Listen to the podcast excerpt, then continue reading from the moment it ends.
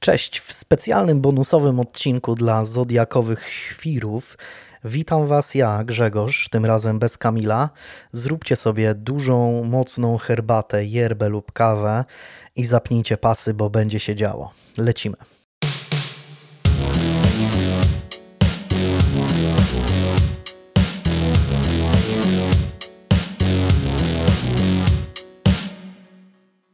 Dziwnie jest siadać tutaj przed mikrofonem samemu, ale jak obiecałem, tak robię.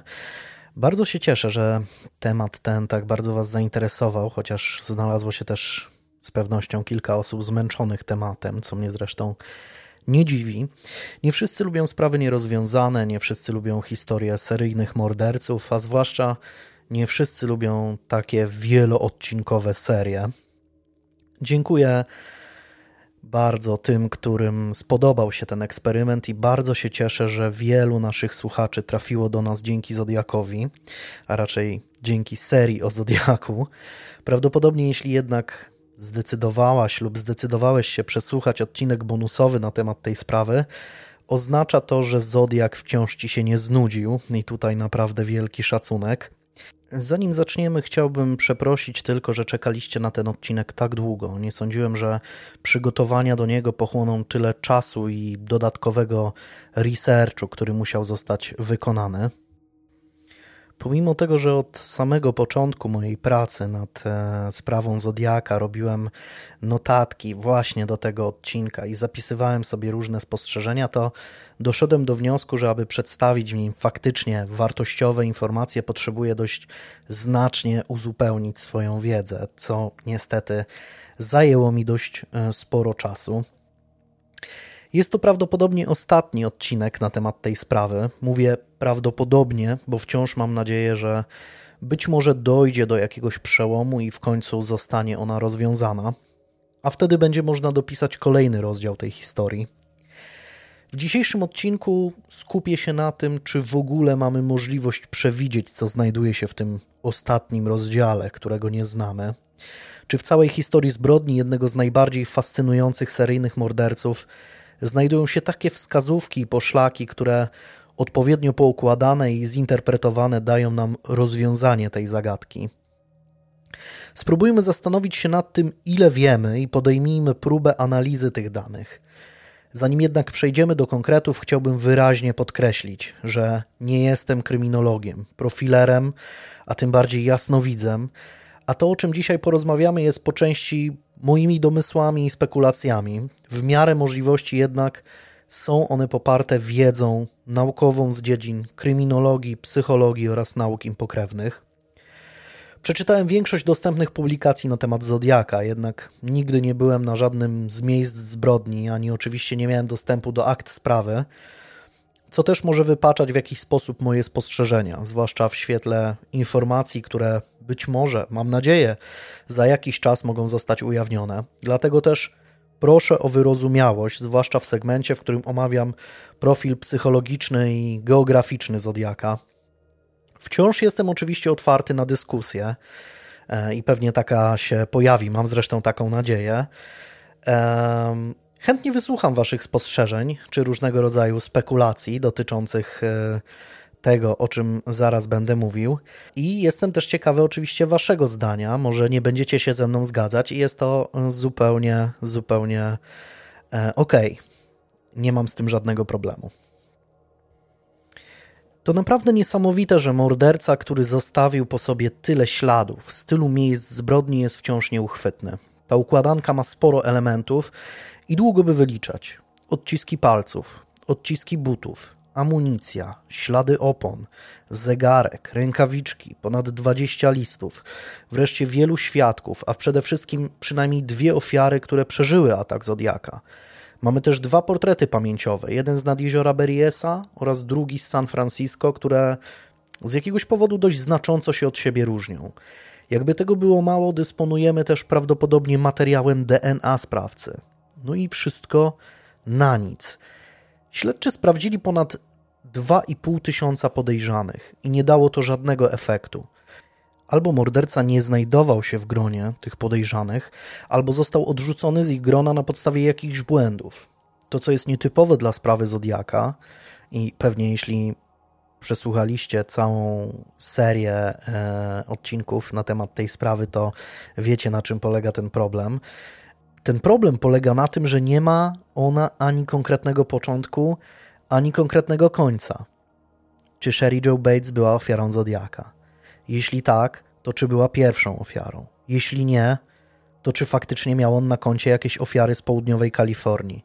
Czy zabił Roberta Domingosa i Lindę Edwards? Czy jego ofiarą są też Johnny i Joyce Swindle z San Diego? Czy może też Ray Davis z Oceanside? Czy przekreślając opcję południowej Kalifornii, możemy założyć, że morderstwo przy Lake Herman Road było pierwszym atakiem Zodiaka? Czy do jego ofiar możemy dopisać na przykład zaginioną pielęgniarkę ze State Line, Donnę? Czy jego niedoszłą ofiarą jest Kathleen Jones? Czy w ogóle można brać na serio list, w którym morderca doliczył się aż 37 swoich ofiar? Trudno jest odpowiedzieć na te pytania i e, tak naprawdę można jedynie spekulować. Z prawdopodobieństwem graniczącym z pewnością Zodiakowi możemy jednak przypisać cztery ataki, w których ofiarami były trzy kobiety oraz czterech mężczyzn. Z nieco mniejszą pewnością do listy ofiar można, myślę, dopisać też Sherry Joe Bates, pomimo faktu, że znalezione w jej samochodzie odciski palców nie pasują do tych zabezpieczonych na przykład w taksówce Paula Steina, na aucie Briana Hartnella lub w budce telefonicznej w Napa. Sprawy te jednak mają tyle punktów wspólnych, że trudno je rozdzielić. Co do pozostałych domniemanych ofiar trudno wyrokować, więc na potrzeby dzisiejszych rozważań odsuńmy je na pewien czas na bok. To daje nam sześć ofiar śmiertelnych oraz pięć miejsc zbrodni, które bierzemy pod uwagę. Spróbujmy więc wycisnąć z tych wydarzeń samą esencję, tak byśmy mogli lepiej poznać mordercę. Pierwsze próby ustalenia profilu psychologicznego Zodiac Killera oraz wpisania jego działalności w jakikolwiek schemat zostały podjęte przez FBI już w latach 70. Nigdy jednak nie upubliczniono poczynionych wtedy ustaleń. Współcześni profilerzy dysponują dużo większą wiedzą od tych sprzed 50 lat i duża część z tej wiedzy jest na wyciągnięcie ręki w ogólnodostępnych źródłach. Zróbmy więc z niej pożytek. Sam termin seryjny morderca został ukuty dopiero w połowie lat 70. przez agenta FBI Roberta Resslera, a dopiero w latach 80. wszedł do użytku wśród śledczych na całym świecie. W czasach działalności Zodiaka nazywano go po prostu wariatem, świrem, maniakiem, czy w najlepszym wypadku psychopatą. Już sam fakt takiego zaszufladkowania sprawcy skutecznie zmieniał obraz mordercy w umysłach śledczych. Nie skupiono się też na podstawowej kwestii charakteryzującej seryjnego mordercę fakcie, że sam akt odebrania życia ofierze nie zaspokaja jego potrzeb, a przynajmniej nie na długo. Odczuwa on przymus zabijania po raz kolejny i kolejny, zazwyczaj nie mogąc przestać. Z czasem zorientowano się też, że morderców można podzielić na kilka dość wyraźnie rozróżnialnych grup. Zróbmy więc sobie małą powtórkę z wiedzy, która może się nam okazać bardzo przydatna. W sytuacji, gdy ofiarą staje się jedna, dwie lub trzy osoby w jednym miejscu zbrodni i w jednym czasie, mówimy o morderstwie, podwójnym morderstwie lub potrójnym morderstwie. W sytuacji, gdy liczba ofiar w jednym miejscu i o jednym czasie przekracza trzy, mówimy o zabójstwie masowym, Dodatkowo morderców masowych dzielimy na klasycznych i rodzinnych. Przykładem tego drugiego jest na przykład Xavier Dupont de Ligonnès lub Elmer Crawford, o których już opowiadałem w poprzednich odcinkach. Polskim przykładem mordercy masowego, rodzinnego jest na przykład e, Damian Rzeszowski. Prawdopodobnie przykładem takiego mordercy jest też Ryszard Wolany lub wciąż nieuchwytny Jacek Jaworek. W sytuacji, gdy ofiarami mordercy masowego stają się osoby nie będące jego członkami rodziny, jest on klasyfikowany jako klasyczny. Przykładami takich morderców są na przykład liczni terroryści, czy na przykład Eric Harris, czy Dylan Klebold, którzy dokonali ataku na szkołę w Columbine. O tej sprawie też opowiadałem. Trzecią częściowo odrębną grupą są tak zwani spree killerzy, którzy dokonują morderstw mniej więcej w tym samym czasie, ale w różnych miejscach. Charakteryzują się oni brakiem okresu wyciszenia między atakami. Przykładem takiego mordercy jest Andrew Cunanan, który w okresie trzech miesięcy zamordował pięć osób. Jako spree killerów można uznać też tak zwanych snajperów z Waszyngtonu, którzy przez trzy tygodnie steroryzowali stolicę USA. Przykładem polskiego mordercy wielokrotnego mieszczącego się w ramach definicji spree killera jest Ryszard Sobok, który w ciągu dwóch dni w 1981 roku w Walimiu zamordował sześć osób, choć byli to członkowie jego rodziny oraz osoby mu bliskie. Grupą najbardziej interesującą są jednak mordercy seryjni. Ci mają na koncie wiele ofiar, ale pomiędzy atakami są zauważalne przerwy, które są dla sprawcy okresem pewnego rodzaju wyciszenia. Zazwyczaj jednak atakują ponownie, by po raz kolejny poczuć formę psychologicznego wynagrodzenia, wywołanego różnego rodzaju motywacją. Badania seryjnych morderców pozwoliły na podzielenie ich ze względu na motywy działania na cztery grupy. Pierwszą są mordercy psychotyczni, których nazywa się też wizjonerami. Ci są motywowani urojonym wewnętrznym lub zewnętrznym przymusem w postaci omamów słuchowych lub wzrokowych, które kierują ich do zabijania. Często twierdzą, że są kimś innym, nadając sobie wyimaginowaną tożsamość. Tłumaczą swoją działalność głosem Boga, szatana lub urojonymi lękami. Ich ofiary zazwyczaj są zupełnie przypadkowe, a działalność silnie zsynchronizowana z nasileniem objawów psychozy lub innych zaburzeń natury psychicznej. Schwytanie seryjnych morderców typu psychotycznego zazwyczaj jest dość łatwe ze względu na fakt, że cierpią oni na poważne zaburzenia, przez które są nieświadomi konsekwencji swoich czynów oraz rozpoznania ich kontekstu. Z tego też powodu są oni niezorganizowani i zazwyczaj zostawiają na miejscu zbrodni oczywiste ślady, które prowadzą do ich schwytania. Z drugiej strony, trudność w ustaleniu motywu działania sprawcy może generować problemy organom ścigania. Seryjni mordercy typu psychotycznego zazwyczaj często są samotnikami i nie mają kontaktu z innymi ludźmi. Przez to uważani są za dziwaków, jednocześnie często postrzegani są jako niegroźni ekscentrycy. W przeciwieństwie do większości seryjnych morderców, ci typu psychotycznego mogli dorastać w normalnej rodzinie i w otoczeniu wspierającym ich wczesny rozwój. Ze względu na fakt, że schizofrenia lub zaburzenia psychotyczne ujawniają się z końcem okresu dojrzewania, zazwyczaj we wczesnej dorosłości, mordercy typu psychotycznego zazwyczaj są osobami dość młodymi.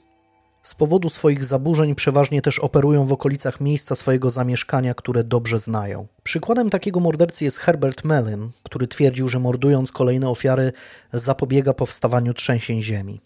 Tego rodzaju mordercą mógł być też David Berkowitz, który twierdził, że do kolejnych zabójstw namawiał go pies sąsiadów. Później jednak był zdania, że kłamał przed sądem, by złagodzono mu wyrok. Innym przykładem mordercy wizjonera jest Joseph Kallinger, który twierdził, że do morderstw zmuszała go unosząca się w powietrzu odcięta głowa o imieniu Charlie. Drugim typem są mordercy misjonarze. Tych do działania motywuje poczucie misji. Często chcą pozbyć się ludzi, których uważają za szkodliwych lub niepotrzebnych dla społeczeństwa. Ich ofiarami padają prostytutki, bezdomni, handlarze narkotyków lub osoby o konkretnym kolorze skóry, orientacji seksualnej, poglądach lub wyznaniu.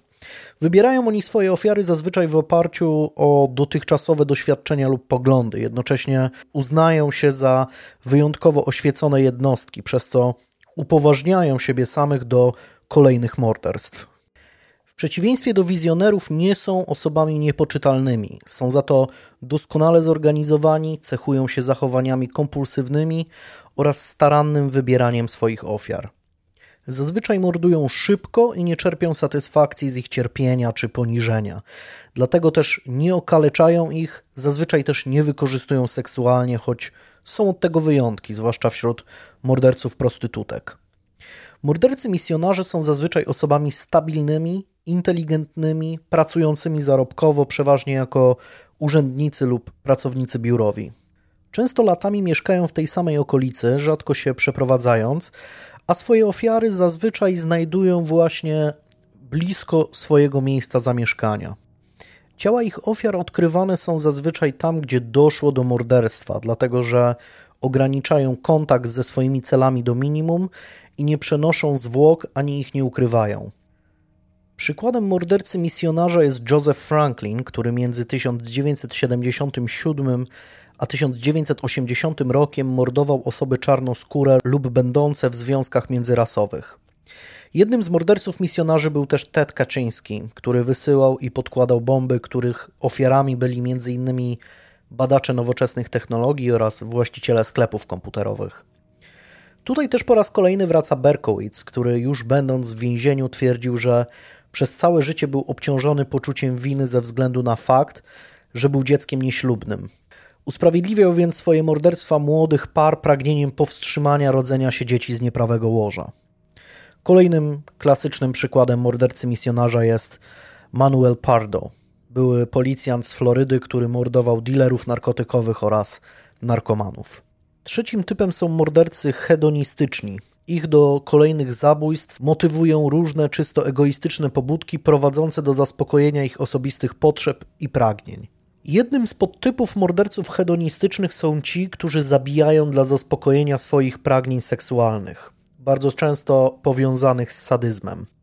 Są to tak zwani last killerzy, czyli mordercy z lubieżności. Wybierają oni swoje ofiary według określonego klucza, kierując się swoimi preferencjami i fetyszami. Zwracają uwagę na wygląd zewnętrzny, budowę ciała, kolor włosów, fryzurę czy ubiór. Akt morderstwa postrzegają jako pewnego rodzaju proces. To nie sam fakt odebrania życia drugiej osobie jest dla nich kluczowy. Często planują też swoje ataki i są zorganizowani. Zazwyczaj przed popełnieniem zbrodni wielokrotnie fantazjowali na temat swoich działań, co pozwoliło im na staranne przemyślenie i zaplanowanie ich realizacji. Mają też skłonność do nadzabijania, czyli tak zwanego overkill, torturowania oraz duszenia swoich ofiar. Bardzo często odbywają z nimi też stosunek seksualny, zarówno przed śmiercią, jak i po śmierci. Odczuwają silną potrzebę fizycznego kontaktu z ofiarą, dlatego też często posługują się bronią, której użycie takiego kontaktu wymaga, jak na przykład nóż, sznur lub po prostu gołe ręce. Morderca z lubieżności jest świadomy działań policji i ma tendencję do mobilności, nie tylko w kwestii wyboru miejsc ataków, ale też miejsc pozbycia się ciał swoich ofiar. Klasycznym przykładem mordercy z lubieżności jest Jerome Brudos lub Ed Gain. Przykładem polskiego mordercy z lubieżności jest na przykład Paweł Tuchlin. Drugim podtypem mordercy hedonistycznego jest tak zwany thrill killer, czyli morderca nastawiony na emocje. Ten typ seryjnego zabójcy odczuwa przyjemność z samego aktu zabijania oraz dominacji i kontroli nad ofiarą. Bardzo często ich zbrodnie są połączone z sadyzmem, okaleczaniem ofiar i gwałtem, ale mają miejsce wyłącznie, gdy ofiara jest żywa, przez co nie ma w tym wypadku miejsca na tak zwany overkill oraz zachowania nekrofilne. Thrill killer więc również postrzega zabijanie jako proces, ale traci zainteresowanie ofiarą w momencie, gdy ta umiera i natychmiast przystępuje do pozbycia się lub ukrycia ciała. Często w sytuacji, gdy ofiara tego typu mordercy traci przytomność, ten cuci ją, ponieważ potrzebuje obserwować jej reakcję. Znane są przypadki, gdy morderca tego typu przeprowadza na swojej ofierze resuscytację, po to, żeby przywrócić ją do świadomości. Przyznawał się do tego m.in. Adam Wayne Ford. Cele takiego typu mordercy zazwyczaj nie są mu wcześniej znane, choć niejednokrotnie obserwuje je przez dłuższy czas, szukając celu odpowiadającego jego upodobaniom. Morderca nastawiony na emocje zazwyczaj działa też w sposób zorganizowany, również pod względem doboru narzędzia zbrodni, a także pozbywa się zwłok w miejscu oddalonym od miejsca, w którym zabił swoją ofiarę, choć nie zawsze je ukrywa. Mordercy hedonistyczni nastawieni na emocje często są mobilni i organizują swoje życie w taki sposób, by zachować możliwość tej mobilności. Są singlami lub utrzymują swobodne relacje z partnerami, a także wykonują pracę, która pozwala im na częste zmiany miejsc działania. Przykładami thrill killerów są przykład dusiciele z Hillside lub zabójcy z narzędziami, czyli Lawrence Bittaker i Roy Norris. Trzecim podtypem mordercy hedonistycznego jest tak zwany comfort killer, którego w przeciwieństwie do last killera i thrill killera do działania motywują nie kwestie mentalne, ale materialne. Do działania nie skłania go przyjemność odczuwana podczas zabijania, ale racjonalna i świadoma chęć poprawienia standardu życia swojego lub swojej rodziny. Do tej kategorii można też zakwalifikować morderców na zlecenie. Komfort killerzy starannie wybierają swoje ofiary i często są to osoby im wcześniej znane współpracownicy, przyjaciele lub współmałżonkowie. Działają oni w sposób zaplanowany, zorganizowany i nastawiony na sprawną eliminację ofiary. Komfort killerzy zazwyczaj działają w okolicach swojego miejsca zamieszkania i rzadko się przemieszczają. Przykładami takich morderców są Dorothea Puente, Richard Kukliński lub Henry Howard Holmes. Polskim przykładem komfort killera jest Władysław Mazurkiewicz. Kolejnym osobnym typem są mordercy seryjni motywowani chęcią poczucia dominacji nad swoimi ofiarami oraz kontroli nad ich życiem lub śmiercią.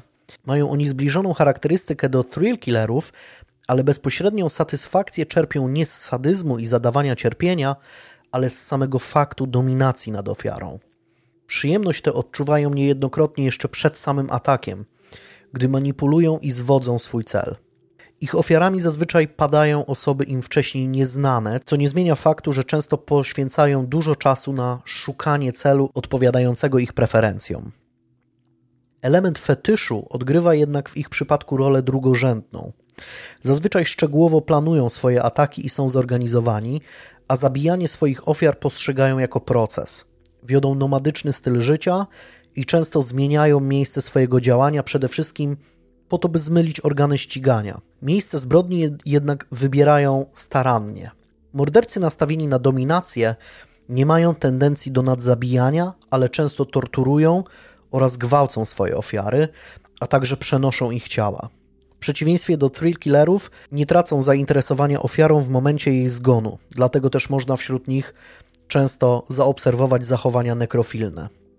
Swoją kontrolę nad ofiarami chcą sprawować jak najdłużej, dlatego ukrywają ich zwłoki w taki sposób, by móc do nich wracać, często w pobliżu własnego domu lub w miejscu, do którego mają stały dostęp. Ponadto często i długotrwale fantazjują na temat swojej działalności, ale jednocześnie są w stanie trzeźwo ocenić ją jako nieprawidłową i złą, a także są świadomi ryzyka swoich działań. Często przez swoje środowisko i bliskich są uważani za miłych i czarujących. Zazwyczaj są też ponadprzeciętnie inteligentni.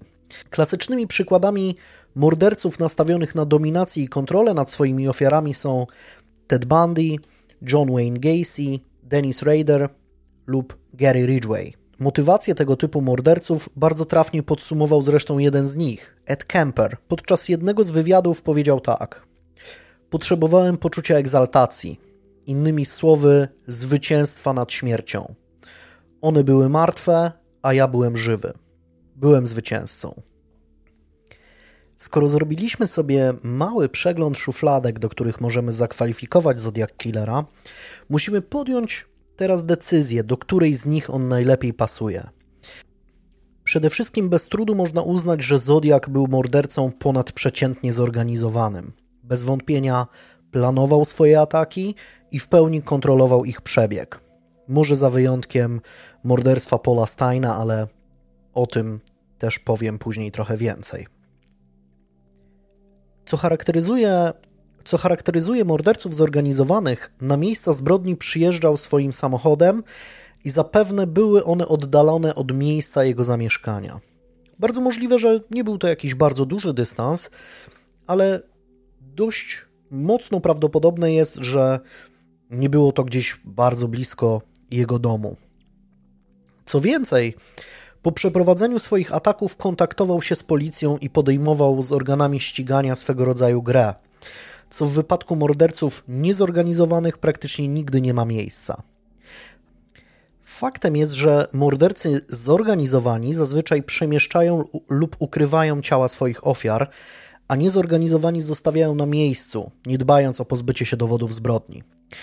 Z mojej perspektywy działalność Zodiaka była bardzo zorganizowana już na etapie wyboru miejsca ataku. Zarówno Lake Herman Road, park Blue Rock Springs, jak i brzeg jeziora Berryessa były odludnymi miejscami, które pozwalały na przeprowadzenie tego ataku bez większych obaw o wykrycie. To w pewien sposób czyni Zodiaka jeszcze bardziej zorganizowanym niż większość zorganizowanych morderców.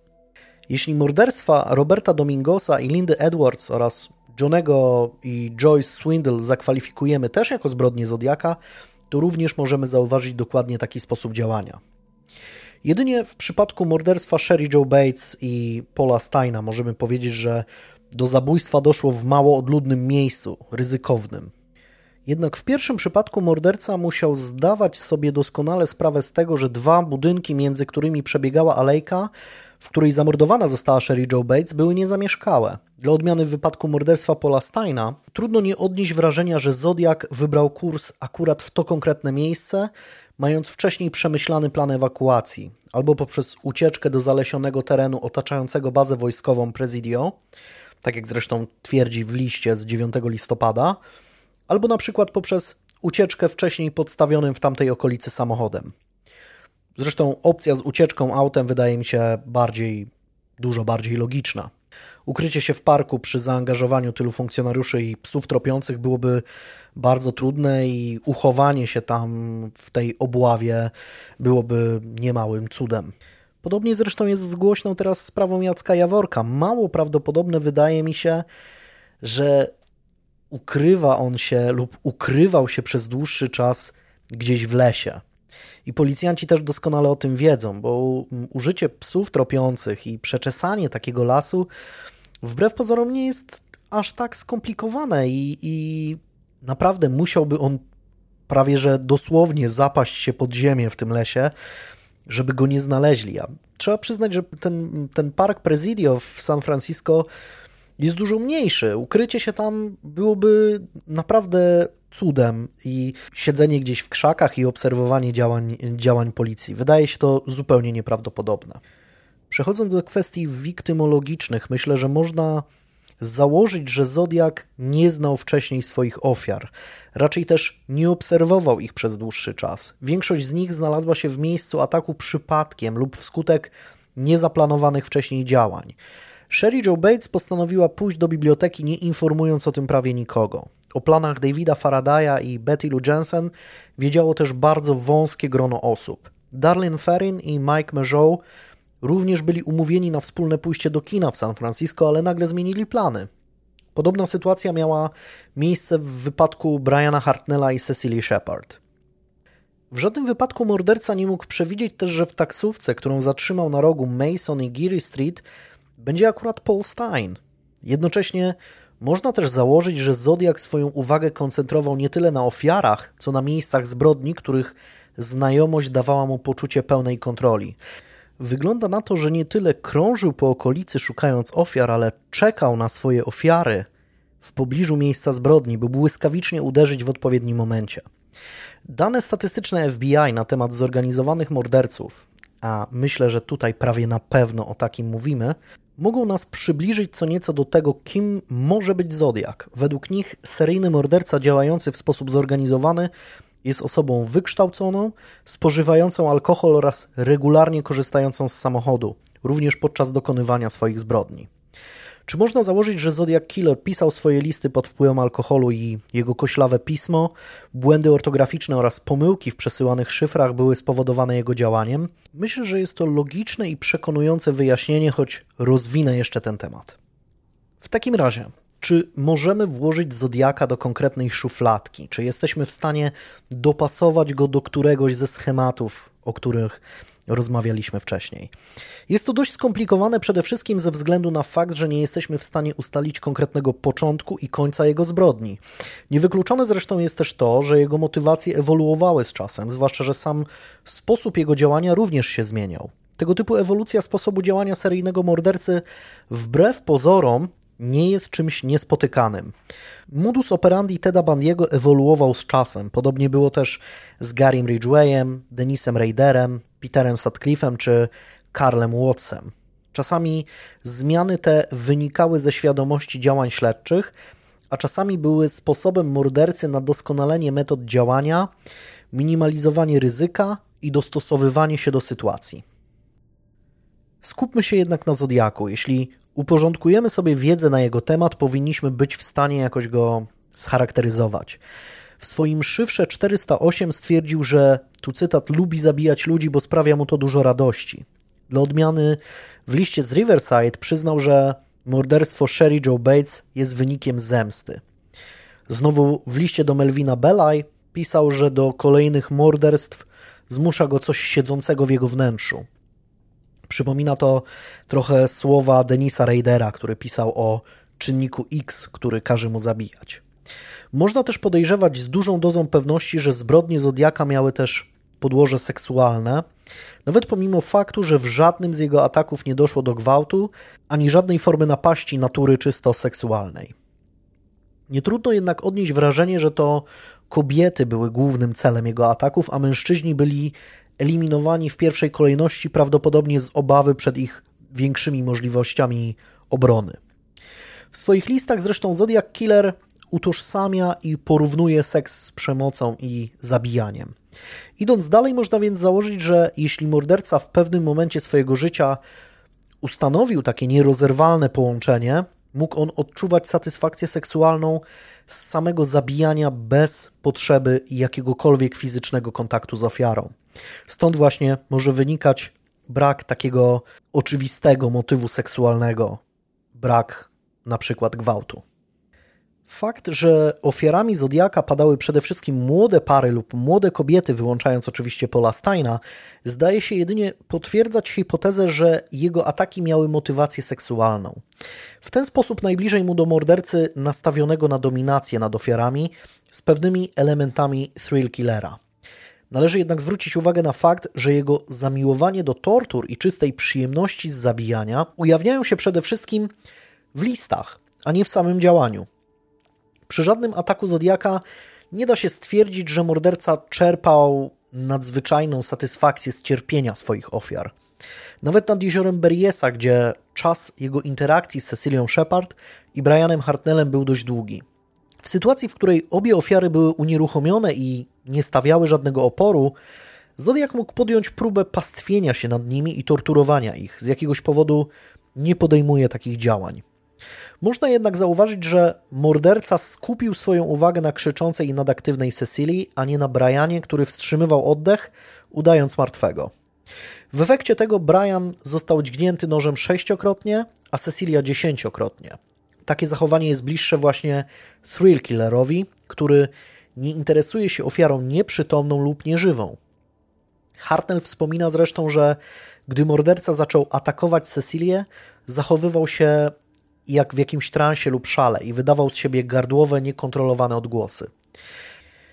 Tego typu zachowanie może jeszcze bardziej potwierdzać seksualną motywację działań Zodiaka. Kolejną kwestią wartą rozważenia jest to, czy był on osobą ponadprzeciętnie, czy może jednak średnio inteligentną lub nawet przygłupią. W tym temacie do dzisiaj toczą się debaty. Jedni twierdzą, że najzwyklejszy fart uchronił go przed schwytaniem, a inni wprost przeciwnie, że planował on swoje zbrodnie w najdrobniejszych szczegółach i pozwoliło mu to wodzić śledczych za nos. Zwolennikami teorii mówiącej, że Zodiak był osobą niewyedukowaną formalnie oraz dysponującą raczej niskim poziomem inteligencji są m.in. autorzy książki This is the Zodiac Speaking i jest to Michael Kelleher i David Van Nuys. Pomimo tego twierdzenia wychodzą jednak z założenia, że Zodiak był uważnym słuchaczem i dzięki temu czerpał swoją wiedzę na różne tematy. Zwolennicy tej teorii twierdzą, że nawet osoba niewykształcona byłaby w stanie przy odrobinie zaangażowania i wysiłku stworzyć szyfry, których używał Zodiak. Niektórzy idą nawet jeszcze dalej, wychodząc z założenia, że sprawca mógł być nawet osobą niepełnosprawną intelektualnie, co jednak w mojej opinii jest skrajnie nieprawdopodobne. Po drugiej stronie tego sporu są ludzie, którzy twierdzą, że był on bardzo inteligentny. Tego zdania jest na przykład Mark Hewitt, autor trzytomowej serii o Zodiaku, który twierdzi, że morderca dysponował zdecydowanie ponadprzeciętną inteligencją, zamiłowaniem do matematyki i logiki, a także miał doskonały zmysł analityczny. Co prawda, listy mordercy są przepełnione błędami gramatycznymi i ortograficznymi, ale momentami są do tego stopnia kuriozalne, że można wysnuć wniosek, że sprawca posługiwał się w nich niechlujnym językiem umyślnie, prawdopodobnie chcąc być postrzeganym jako osoba niewykształcona. Jeśli chodzi o moją opinię w tej kwestii, przejdę do tego za jakiś czas w dalszej części odcinka. Zanim jednak przejdziemy do omówienia profilu psychologicznego Zodiaka, spróbujmy ustalić, jak wyglądał, ponieważ w zeznaniach świadków pojawiły się często niespójne informacje. Za najbardziej wiarygodne opisy sprawcy należy uznać te pochodzące od Mike'a Majow oraz Briana Hartnella, którzy mieli z nim bezpośredni kontakt. Jednocześnie należy wziąć poprawkę, że w trakcie spotkania z mordercą byli w sytuacji skrajnego stresu, co mogło wypaczyć ich wspomnienia. Kolejnym bardzo wartościowym źródłem są zeznania trójki nastolatków, którzy obserwowali taksówkę Paula Steina z odległości mniej więcej 15 metrów. Policjant Donald Falk również prawdopodobnie rozmawiał z Zodiakiem, który chwilę po zamordowaniu taksówkarza został przez niego zatrzymany przy Jackson Street. Ze względu na fakt, że trudno potwierdzić, czy Kathleen Jones faktycznie była ofiarą Zodiaka, jej zeznania można uznać za drugorzędne. Podobnie można ocenić opisy osób, które widziały tajemniczego mężczyznę w okolicach jeziora Berryessa, a także studentów, którzy zapamiętali mężczyznę z brodą w uczelnianej bibliotece w Riverside, który później nie pojawił się na wizji lokalnej mającej na celu odtworzenie przebiegu zbrodni morderstwa Sherry Joe Bates. Kolejna rzecz, o której należy pamiętać, to fakt, że morderca w jednym ze swoich listów twierdził, że zmienia swój wygląd i opublikowane rysopisy nie są do niego podobne. Trudno jednak rozstrzygnąć, czy Zodiak napisał tak, by zmylić trop, czy może faktycznie korzystał z różnych zabiegów charakteryzatorskich, na przykład nosił peruki czy sztuczny zarost itd. Podczas zabójstw w Riverside i przy Lake Herman Road nie można powiedzieć o żadnym wartościowym opisie sprawcy. Podczas ataku na parkingu parku Blue Rock Springs Mike Meshow zapamiętał napastnika jako białego mężczyznę między 26 a 30 rokiem życia o krępej budowie ciała, mającego mniej więcej 1,70 m wzrostu. Twierdził, że mógł on ważyć około 90 kg. Podkreślił jednak, że nie nazwałby go osobą grubą. Sprawca miał ponadto krótkie, kręcone, jasno-brązowe włosy, a także nosił niebieską koszulę z krótkim rękawem. Mężoł ponadto opisał jego twarz jako dużą, bez zarostu ani okularów. Podkreślił jednak, że widział napastnika tylko z profilu i trwało to zaledwie krótką chwilę. Nad jeziorem Berryessa Brian Hartnell również dość szczegółowo opisał Zodiaka, a przede wszystkim jego dziwaczny kostium. 27 września 1969 roku morderca miał na sobie czarny kaptur przywodzący na myśl strój rytualny. Zakrywał on jego głowę i ramiona i sięgał prawie do pasa. Górna część kaptura miała formę kształtem przypominającą papierową torbę na zakupy, a na piersi miał on wyszyty charakterystyczny symbol celownika o średnicy mniej więcej 10 centymetrów. Był on wykonany starannie, był proporcjonalny i wyraźny, najprawdopodobniej wykonany maszynowo. Otwory na oczy były zakryte mocowanymi na klips okularami przeciwsłonecznymi. Hartnell zauważył jedynie wystające spod kaptura ciemnobrązowe włosy, które opisał jako przetłuszczone. Ponadto napastnik miał na sobie granatową bawełnianą kurtkę wiatrówkę z kołnierzem, a także granatowe lub czarne spodnie od garnituru z zaszewkami, które opisał jako staromodne. Chłopak zapamiętał, że morderca miał od 20 do 30 lat, oceniając to po jego głosie, a także stwierdził, że miał około 1,70 m wzrostu. Nie był do końca pewny co do jego budowy ciała. Na początku twierdził, że mógł on ważyć około 100-110 kg i że widocznie wystawał mu brzuch, że było to zauważalne. Później jednak był zdania, że mógł odnieść takie wrażenie w sytuacji, gdy morderca miał na przykład kurtkę z grubszego materiału z podszewką. Cecilia Shepard, pomimo tego, że oczywiście zmarła w wyniku ataku, przed śmiercią zdążyła również opisać sprawcę. Twierdziła, że miał on nadwagę i był wyraźnie masywnej budowy ciała.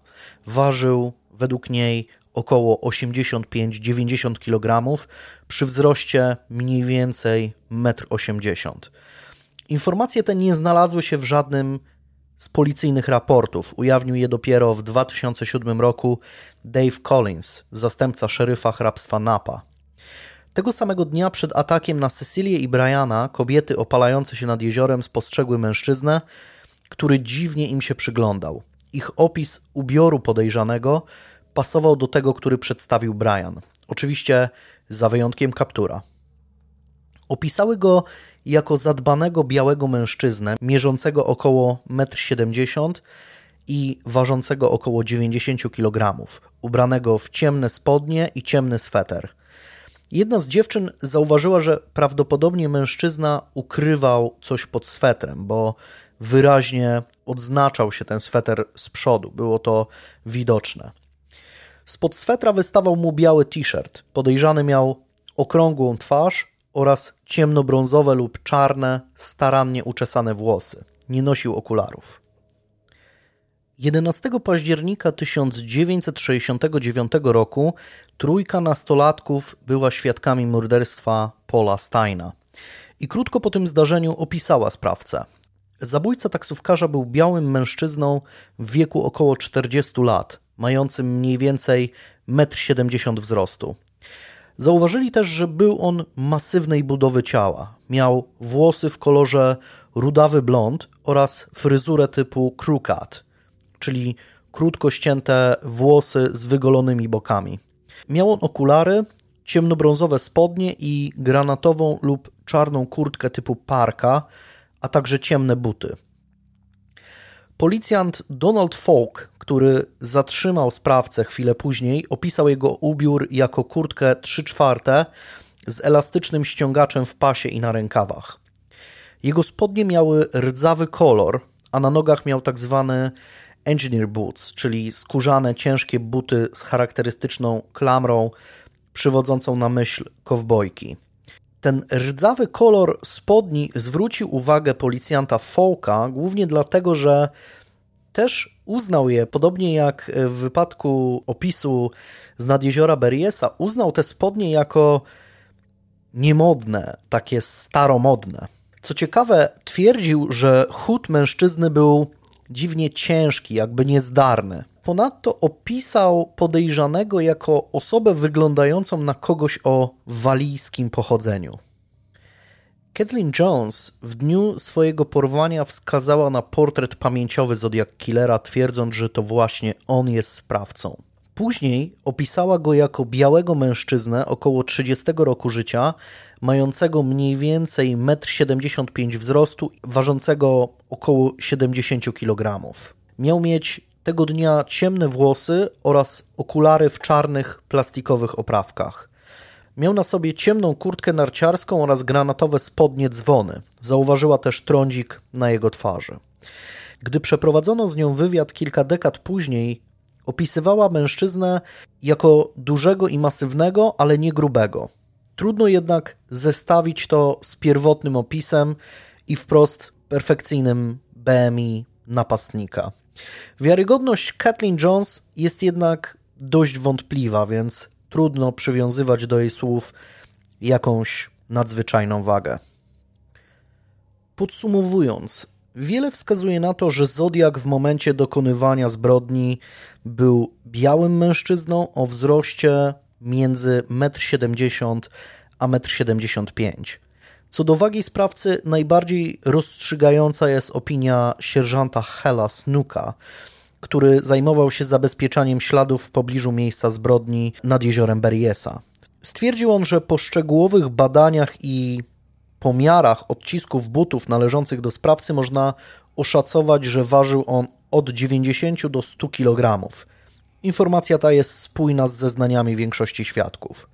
Co ciekawe, można też założyć, że morderca dopiero po zabójstwie Paula Steina zaczął stosować zmiany swojego wyglądu.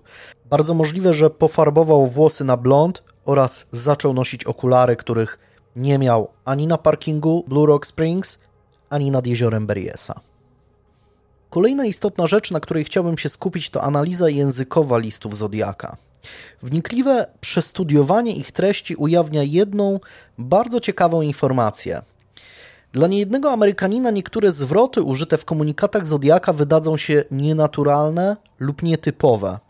Jest to spowodowane przede wszystkim faktem, że z jakiegoś powodu morderca używa zwrotów charakterystycznych dla osoby władającej brytyjskim wariantem języka angielskiego. Przykładów jest bardzo dużo. Z jakiegoś powodu w liście do Melvina Belaj Zodiak używa frazy Happy Christmas zamiast oczywistego, zwłaszcza w USA, Merry Christmas. Stosuje też w swoich listach tak zwany understatement, czyli pewnego rodzaju grzecznościowe umniejszenie czy niedopowiedzenie, jak na przykład gdy pisze I am mildly curious as how much money you have on my head now, czyli jestem nieco zainteresowany tym, ile teraz warta jest moja głowa. Zastosowanie słowa mildly w tym kontekście jest raczej nietypowe dla Amerykanina, który pominąłby je w tym zdaniu, pisząc po prostu I am curious, bez słowa mildly. Podobnego zabiegu sprawca używa pisząc w liście z lipca 1970 roku I gave a rather interesting ride. Ponadto używa chociażby zwrotu I shall zamiast dużo bardziej naturalnego dla Amerykanina i mniej formalnego I will. Podobnie sprawa wygląda ze słowem kiddies, określającego dzieci. Jest, jest to słowo typowe dla Brytyjczyka, a raczej niecodzienne dla Amerykanina. Po morderstwie Paula Steina morderca w swoim liście pisze na temat działań policji They had searched the park properly. Użycie słowa properly w takim kontekście również wydaje się zbyt formalne dla Amerykanina, a zupełnie naturalne dla Brytyjczyka. Kolejnym nietypowym dla mieszkańca Kalifornii zwrotem jest fraza one might say z listu z 9 listopada 1969 roku.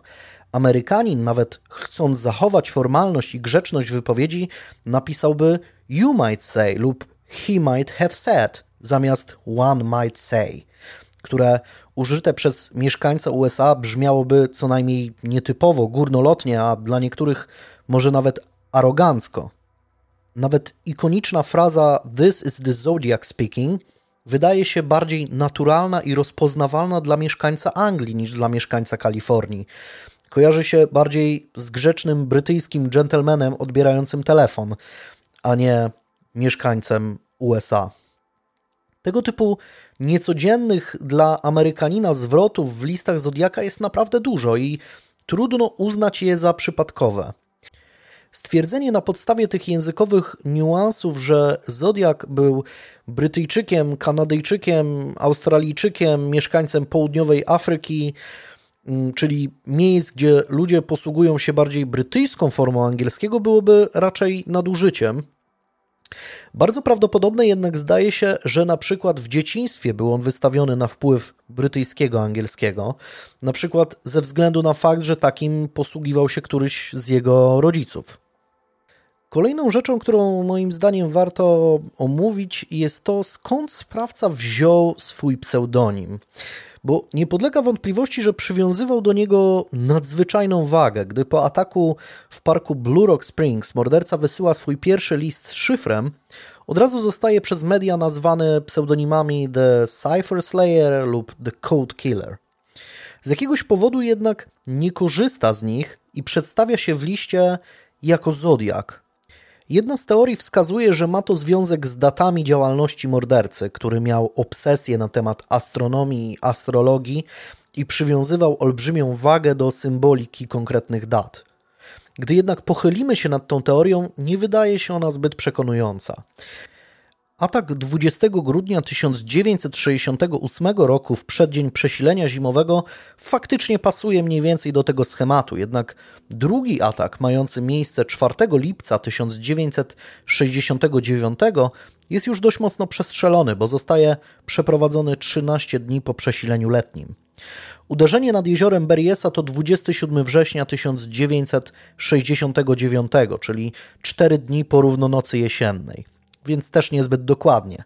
Porwanie Kathleen Jones ma miejsce 22 marca 1970 roku, czyli dzień porówno nocy wiosennej. Znowu blisko, ale nie w punkt.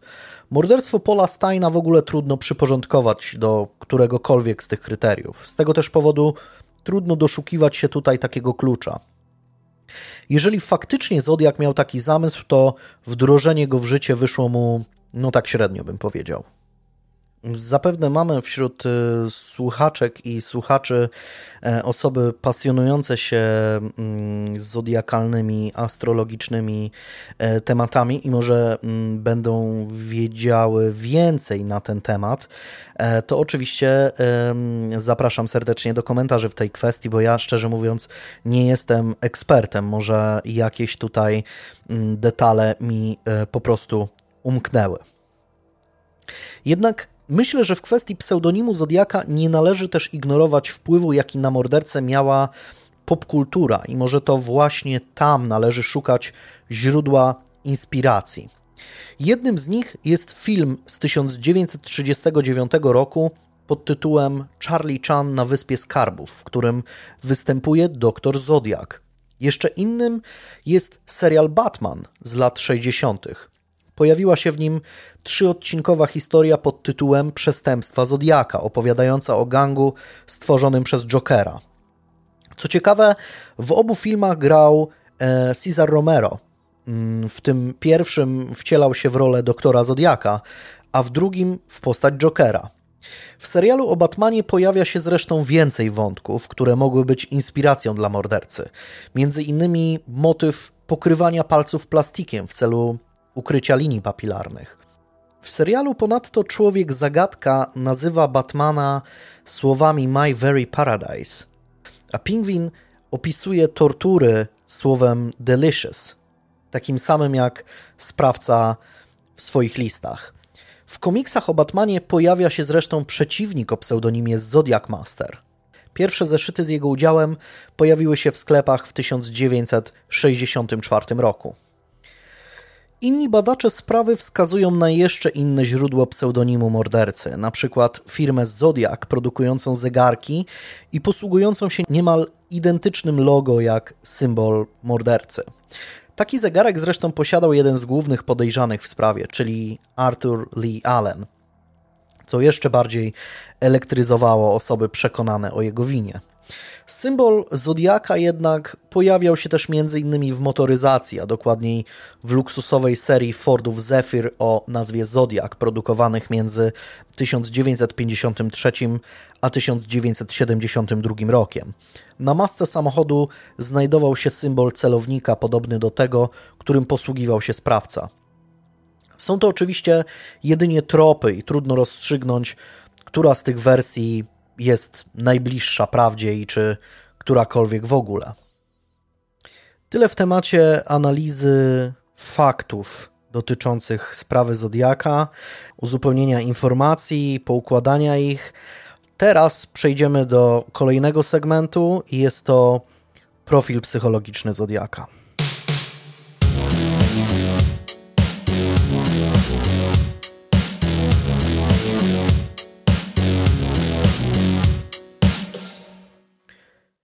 Człowiek kryjący się pod pseudonimem Zodiak to biały, heteroseksualny mężczyzna w wieku między 25 a 35 lat w czasie morderstw przy Lake Herman Road. Oznacza to, że urodził się między 1933 a 1943 rokiem.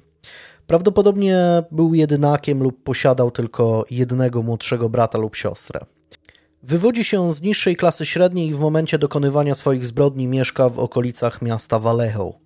Do kwestii jego zamieszkania przejdę później.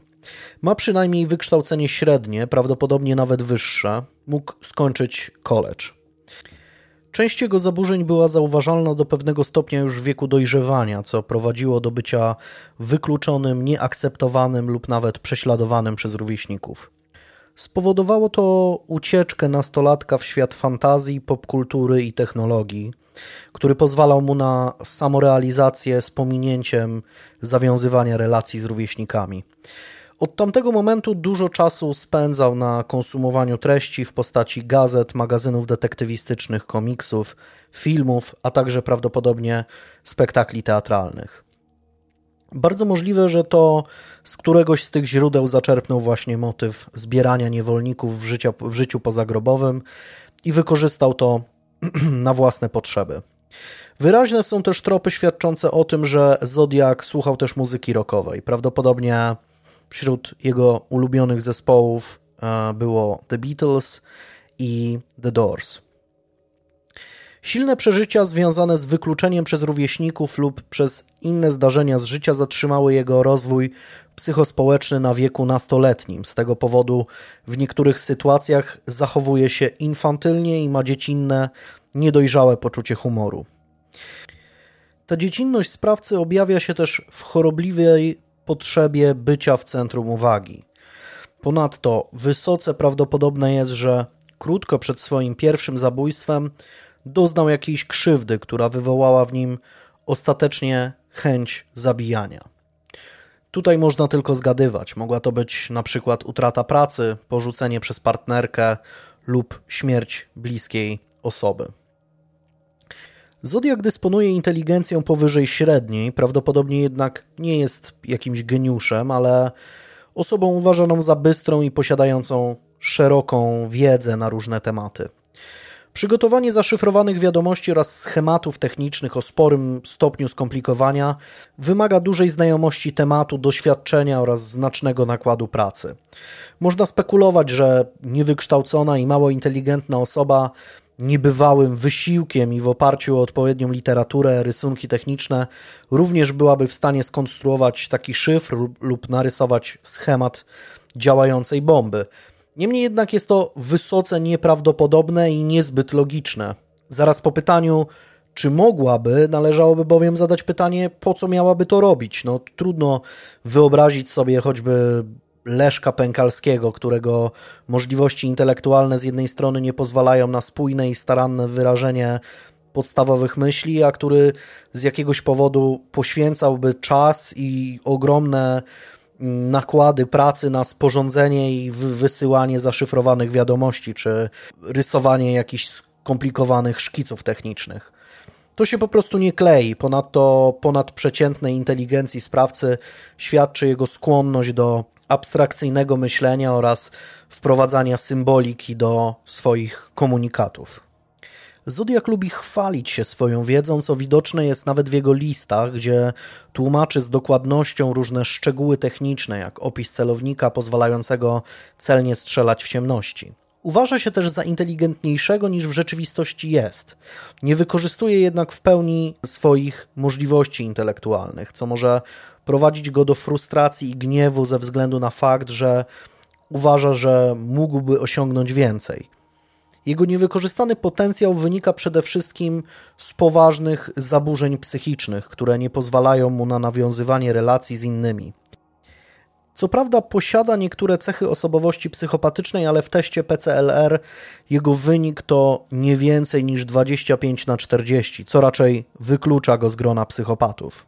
Widoczne są jednak u niego cechy charakterystyczne dla takiej osobowości, między innymi brak empatii, brak poczucia winy, egocentryzm, przedmiotowe traktowanie ludzi czy megalomania. Bez wątpienia jest osobą introwertyczną i narcystyczną, a także przekonaną o własnej wyjątkowości i wyższości nad innymi. Zodiak prawdopodobnie cierpi też na zaburzenia schizotypowe lub ma osobowość schizoidalną. Prawdopodobnie ma też depresję. Zwłaszcza pod koniec jego działalności jest to zauważalne. Zaburzenia schizotypowe tłumaczyłyby jego zainteresowanie szyframi, ezoteryką, astrologią i astronomią oraz przeświadczenie o życiu pozagrobowym niezgodne z przyjętymi standardami. Najprawdopodobniej został wychowany w rodzinie chrześcijańskiej jako dziecko, z czasem jednak odszedł od tej religii, kierując się w stronę swoich indywidualnych wierzeń wypaczonych przez zaburzenia. Schizotypia może być też usprawiedliwieniem dziwnych manieryzmów językowych, a nawet specyficznego ubioru, jak ten podczas ataku nad jeziorem Beriesa. Typowa dla tego typu zaburzeń jest ograniczona ekspresja emocji oraz lęk społeczny, utrudniający nawiązywanie i utrzymywanie relacji spoza najbliższej rodziny. Wyjaśnieniem wielu zawiłości sprawy Zodiaka może być też jeszcze inna diagnoza, a mianowicie zaburzenia dysocjacyjne tożsamości. One tłumaczyłyby tak duże zmiany w modus operandi sprawcy oraz jego nieuchwytność. Nad jeziorem Beriesa używa on też dziwnych sformułowań, jak będę musiał was związać lub będę musiał was zadźgać. Dokładnie I'm going to have to tie you up i I'm going to have to stab you. Z jakiegoś powodu konstruuje zdanie w taki sposób, jakby nie odpowiadał za swoje czyny, jakby był do nich zmuszony. W liście do Melvina Belaj morderca zresztą pisze, mm, jak coś w jego wnętrzu każe mu zabijać. To coś mogłoby być na przykład drugą tożsamością mężczyzny. Byłoby to też idealnym wytłumaczeniem zaprzestania działalności mordercy ze względu na fakt, że zaburzenia dysocjacyjne tracą na sile wraz z wiekiem i potrafią ulec znacznemu wyciszeniu po 40 roku życia. Ze statystycznego punktu widzenia taka wersja wydarzeń jest jednak bardzo mało prawdopodobna, doskonale przyjmująca się w filmach grozy, czy mm, wykorzystywana jest jako linia obrony wielu seryjnych morderców, choć w rzeczywistości bardzo rzadka, zwłaszcza w tak ekstremalnej formie, jak znamy ją z powieści Dr. Jekyll i Mr. Hyde. Zodiak jest osobą krytycznie nastawioną do świata, jednak ze względu na swoją osobowość ma problem z wyrażaniem własnej opinii. Nie jest typem głośnego narzekacza, a raczej milczącego krytyka. Problem z nawiązywaniem relacji Zodiak ma zwłaszcza z kobietami. Nie rozumie ich i nie potrafi stworzyć z nimi relacji romantycznych czy seksualnych. Możliwe też, że jest impotentem. Ze względu na te problemy odczuwa silny wstręt do kobiet, ze względu na te problemy odczuwa silny wstręt do kobiet i mężczyzn, którzy nawiązują z nimi relacje z łatwością. Widok młodej zakochanej pary budzi w nim agresję i poczucie niesprawiedliwości. Prawdopodobnie też mężczyźni, oprócz wspomnianego wstrętu, budzą w nim też podświadomy lęk. To właśnie dlatego podczas swoich ataków najpierw decyduje się eliminować mężczyznę, a później dopiero kieruje swoją agresję w stronę kobiety widzi w nich pewnego rodzaju zagrożenie. Jest to też jakaś wskazówka co do tego, jak mogło wyglądać dzieciństwo sprawcy. Bardzo możliwe, że był on ofiarą agresji ze strony ojca, ale jednocześnie nie znajdował oparcia w swojej matce.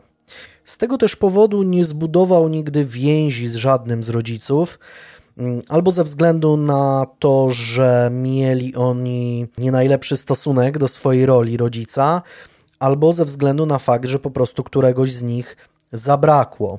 W przeciwieństwie do kogoś o klasycznej osobowości psychopatycznej, Zodiak nie potrafi wykorzystać swoich zalet, by jakkolwiek oczarować drugą osobę swoim intelektem czy elokwencją, nawet mając niecne zamiary.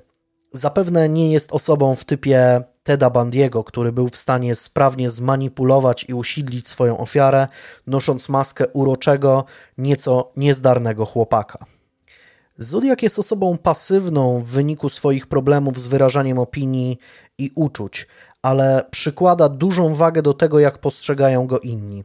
Krytyka własnej osoby bardzo mocno go dotyka, ale przez lata wypracował sobie mechanizm obronny, który sprowadza ludzi mu nieprzychylnych do poziomu nierozumiejących jego geniuszu idiotów, co jeszcze bardziej wzmacnia jego nieumiejętność nawiązywania relacji i poczucie frustracji. Bardzo możliwe, że ze swoimi problemami radzi sobie poprzez nadmierne spożywanie alkoholu. To również tłumaczyłoby jego styl pisania. Ilość błędów językowych, gramatycznych, interpunkcyjnych, a także charakterystyczne cechy odręcznego pisma mogą też być spowodowane przykład dysleksją czy dysortografią. Jego sposób pisania jednak wskazuje na to, że większość błędów w listach została jednak zrobiona umyślnie. Niewykluczone też, że w dzieciństwie Zodiak miał problem z poprawnym pisaniem, ale będąc już osobą dorosłą był w stanie zniwelować większość objawów dysortografii. Wciąż mógł jednak w sposób zaplanowany i przemyślany pisać z charakterystycznymi dla dyslektyka błędami. Tę hipotezę potwierdza fakt, że dość nieoczywiste ortograficznie słowa morderca zapisuje bezbłędnie, by zaraz obok walnąć byka w słowie podstawowym i często używanym, jak kid pisane przez C, do pisane przez 2O, about pisane z pominięciem litery O oraz control pisane przez 2O. Do podobnych wniosków zresztą dochodził też e, Sherwood Morrill po wnikliwej analizie listów mordercy, a także David Tusky. Zodiak prawdopodobnie jest osobą pracującą zarobkowo od poniedziałku do piątku w standardowych godzinach. Fakt, że wszystkie cztery zbrodnie miały miejsce w piątek wieczorem lub w sobotę, zdaje się to potwierdzać. Najprawdopodobniej wykonuje zawód, który pozwala mu ograniczyć kontakt z ludźmi do minimum oraz utrzymać wysoki stopień niezależności od innych. Możliwe, że zanim stworzył postać Zodiaka, próbował też tworzyć swoje inne wcielenia, które miały na celu funkcjonować w społeczeństwie zgodnie z przyjętymi normami i zasadami, ale próby te, przynajmniej w jego mniemaniu, zakończyły się porażką. Niewykluczone, że podobnie jak David Berkowitz próbował realizować się w armii i w momencie popełniania zbrodni był już weteranem wojny w Korei lub Wietnamie. Mógł też w pewnym etapie swojego życia podjąć pracę w policji. Bez wątpienia jednak nie udało mu się awansować na wyższe stanowiska, przede wszystkim ze względu na swoje zaburzenia psychiczne. Możliwe też, że próbował aplikować na stanowiska związane z wojskiem lub policją, ale został z jakiegoś powodu odrzucony. Bez wątpienia jednak jest zafascynowany zagadnieniami związanymi ze służbami mundurowymi lub myślistwem. Kolekcjonuje broń palną, wie jak z niej korzystać, samodzielnie ją modyfikuje, ma też wiedzę na temat pracy operacyjnej policji. Niewykluczone nawet, że dysponuje policyjnym radiem. Jako, że z dość sporą dozą pewności można założyć, że Zodiak wykonał swój kostium z nad jeziora Beriesa samodzielnie. Zastanawiająca jest też jego sprawność krawiecka. Bardzo możliwe, że ma na tym polu jakieś doświadczenie. Na którymś etapie swojego życia mógł wykonywać prace krawieckie. Mogło to mieć miejsce na przykład podczas odsiadki w więzieniu lub zakładzie poprawczym. Pewną wskazówką co do wykonywanego przez niego zawodu może być też fakt, że dysponował przynajmniej dwoma lub nawet trzema różnymi samochodami w czasie od grudnia 1968 roku do września 1969 roku. Wysoce prawdopodobne jest też to, że w chwili dokonania swoich pierwszych zbrodni Zodiak jest już osobą notowaną w policyjnych kartotekach mógł zostać złapany za jazdę pod wpływem alkoholu, stalking, e, kradzieże czy próby podpaleń. Po morderstwie przy Lake Herman Road sprawca śledzi doniesienia prasowe i radiowe na temat swojej zbrodni. Zapewne wielokrotnie wraca myślami do tego zdarzenia i wspomnienia, które w sobie pielęgnuje, pozwalają mu przez pewien czas odczuwać seksualną satysfakcję. W myślach odtwarza ten scenariusz wielokrotnie.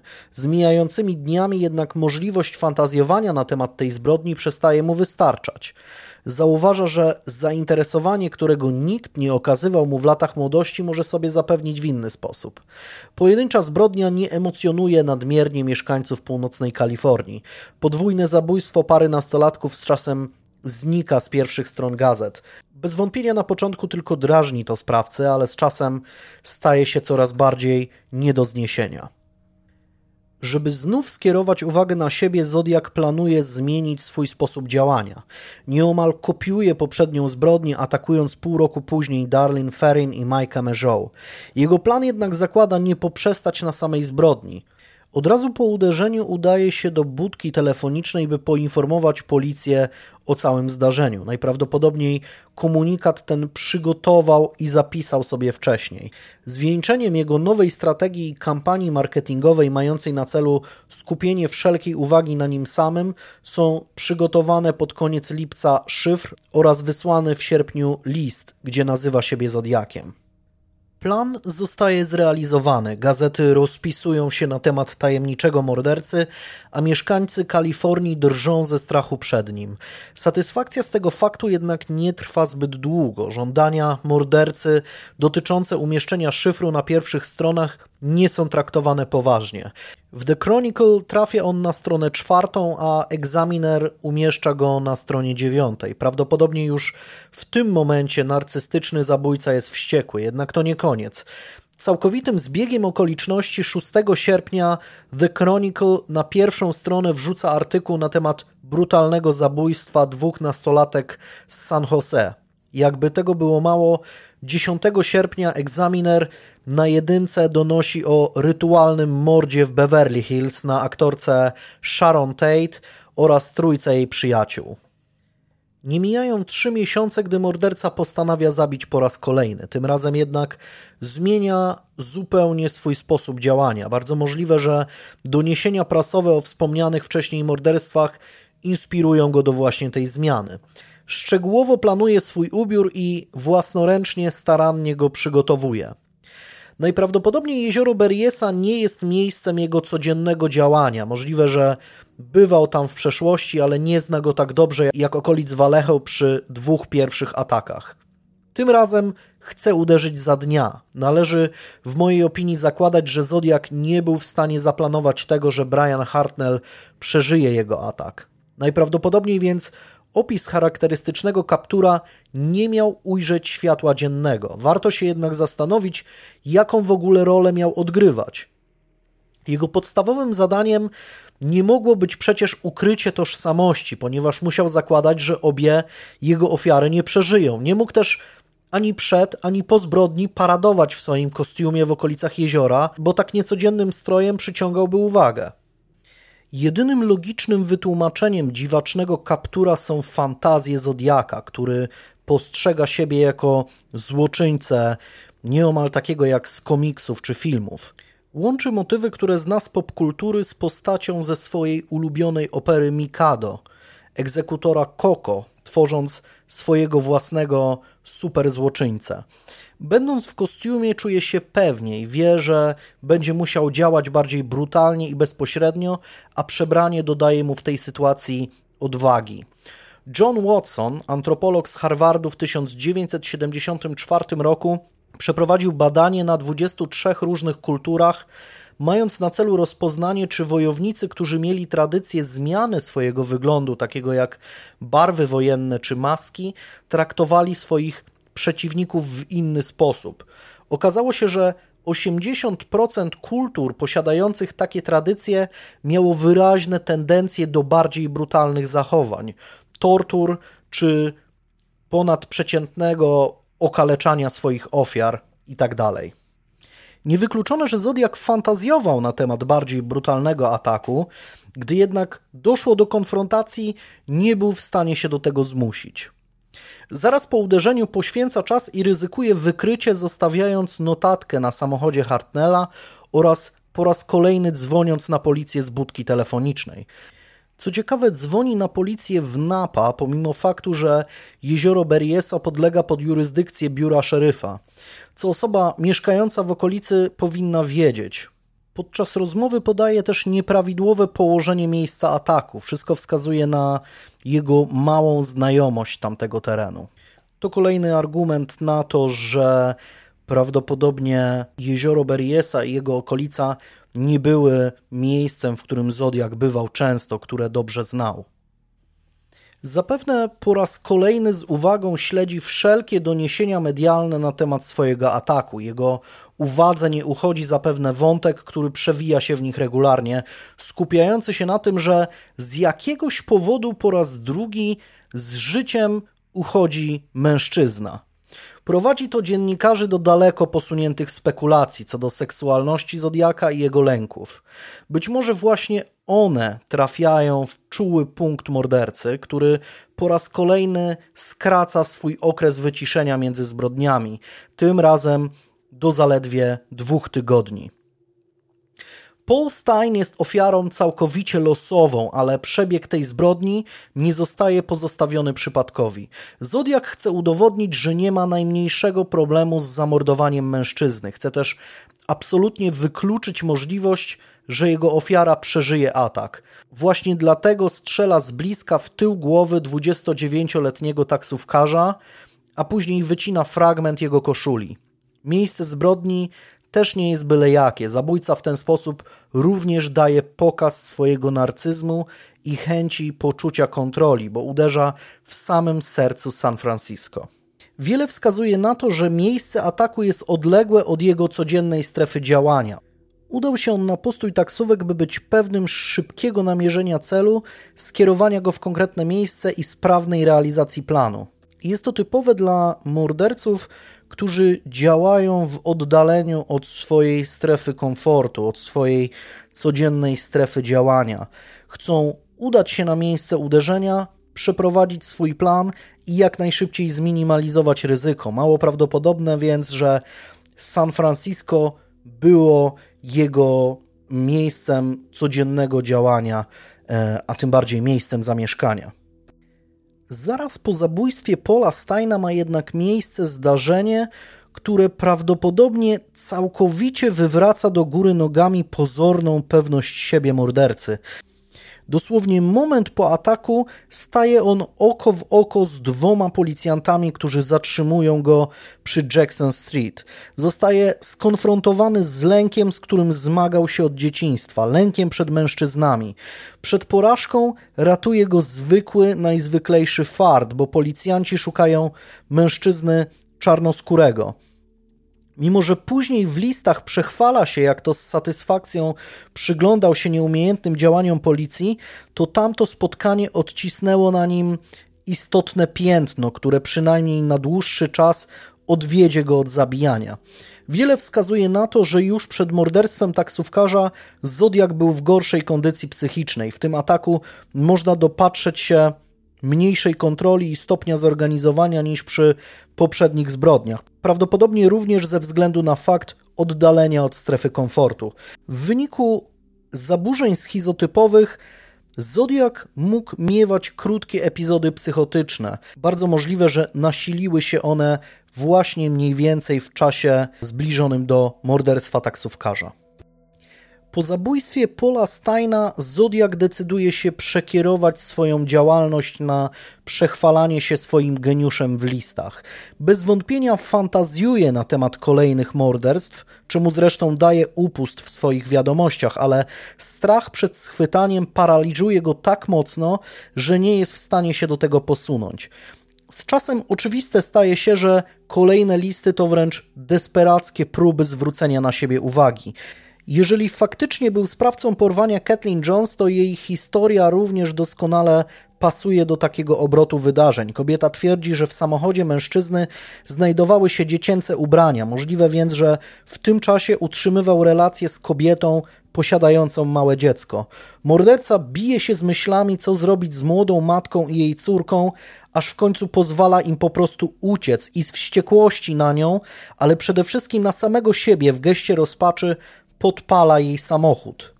List z grudnia 1969 roku pokazuje jasno, że wraz ze zmierzchem swojej działalności morderca zmaga się z depresją. Wiele wskazuje na to, że po wysłaniu pocztówki z marca 1971 roku Zodiak z jakiegoś powodu opuścił San Francisco, by wrócić do niego trzy lata później. Trudno powiedzieć, czy kolejne listy faktycznie są autentyczne, czy nie. Trudno też ostatecznie stwierdzić, co mogło dziać się z mordercą. Możliwe, że popełnił samobójstwo jako zupełnie anonimowy gość z sąsiedztwa. Niewykluczone też, że przeżył jeszcze wiele lat lub nawet żyje do teraz. Historia Josepha De Angelo, Denisa Raidera czy Loniego Davida Franklina pokazuje, że mógł on dożyć późnych lat starości i wieść w miarę normalne życie. Możliwe też, że po pewnym czasie wrócił do zabijania i z jakiegoś powodu nie udało się połączyć jego nowej działalności z tą wcześniejszą. Wciąż pojawiają się sygnały świadczące o tym, że policja nie poddała się jeszcze w kwestii rozwiązania zagadki Zodiaka, więc miejmy nadzieję, że postęp technik kryminalistycznych pozwoli kiedyś poznać nam prawdę na ten temat. Przejdźmy jednak do jeszcze jednej ciekawej rzeczy, a mianowicie profilu geograficznego, który chciałbym też pokrótce omówić. Teren działalności zabójcy jest związany z jego codziennym życiem. Zazwyczaj jest ograniczony miejscem jego zamieszkania, miejscem pracy lub obszarem, do którego regularnie powraca z różnych powodów.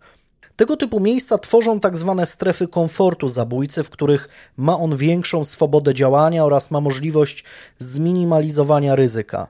Jeżeli naniesiemy na mapę miejsca czterech kanonicznych ataków Zodiaka oraz budek telefonicznych, z których korzystał, ujawnia nam się dość jasny obraz. Najbardziej prawdopodobne, że morderca w tym czasie mieszkał w okolicach Vallejo lub Benishi. Pierwsze dwie zbrodnie popełnił w miarę blisko swojego miejsca zamieszkania. Później, w miarę nabrania pewności siebie oraz w związku z chęcią skierowania pościgu w inną stronę, uderzył w miejscach oddalonych o prawie taki sam dystans od tego miasta. Pierwszy raz na północ, drugi raz na południe. Swój pierwszy szyfr Zodiak wysyła zresztą między innymi do Vallejo Times Herald, która jest gazetą typowo lokalną. Do ustalenia bardziej dokładnego miejsca przebywania Zodiaka w czasie morderstw może też okazać się przydatna informacja, że po ataku na parkingu parku Blue Rock Springs morderca przez 40 minut gdzieś przebywał, po czym dopiero udał się do budki telefonicznej oddalonej od miejsca zbrodni o zaledwie 5,5 kilometra. Dojazd w to miejsce nie zająłby mu więcej niż kilka minut, a mimo to zajął mu dłużej. Bardzo możliwe więc, że Zodiak udał się do miejsca swojego zamieszkania na przykład po to, by ukryć broń lub zmienić samochód. Położenie budki telefonicznej, z której skorzystał po ataku nad jeziorem Beriesa, również zdaje się nieprzypadkowe. Stamtąd morderca mógł pojechać prosto do Vallejo drogą stanową numer 29. Z tych też powodów wydaje mi się najbardziej prawdopodobne, że jego miejscem zamieszkania były właśnie te okolice, chociaż oczywiście jest to tylko pewnego rodzaju statystyczne szacowanie mogące nie być prawdą. O tym trzeba pamiętać. Teraz, w momencie, kiedy mamy już ustalony profil psychologiczny Zodiaka i pokrótce profil geograficzny Zodiaka, przejdźmy do ostatniego segmentu tego odcinka, czyli głównych podejrzanych.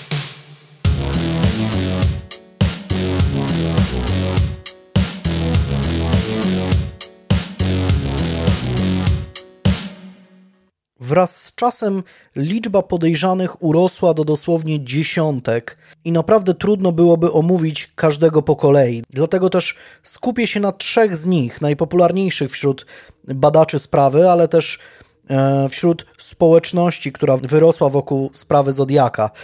Wybrałem omawianych podejrzanych na podstawie ankiety obecnej od 2012 roku na stronie Zodiac Cyphers, która jest prawdziwą skarbnicą wiedzy na temat sprawy i miejscem, gdzie domorośli detektywi wymieniają się swoimi spostrzeżeniami.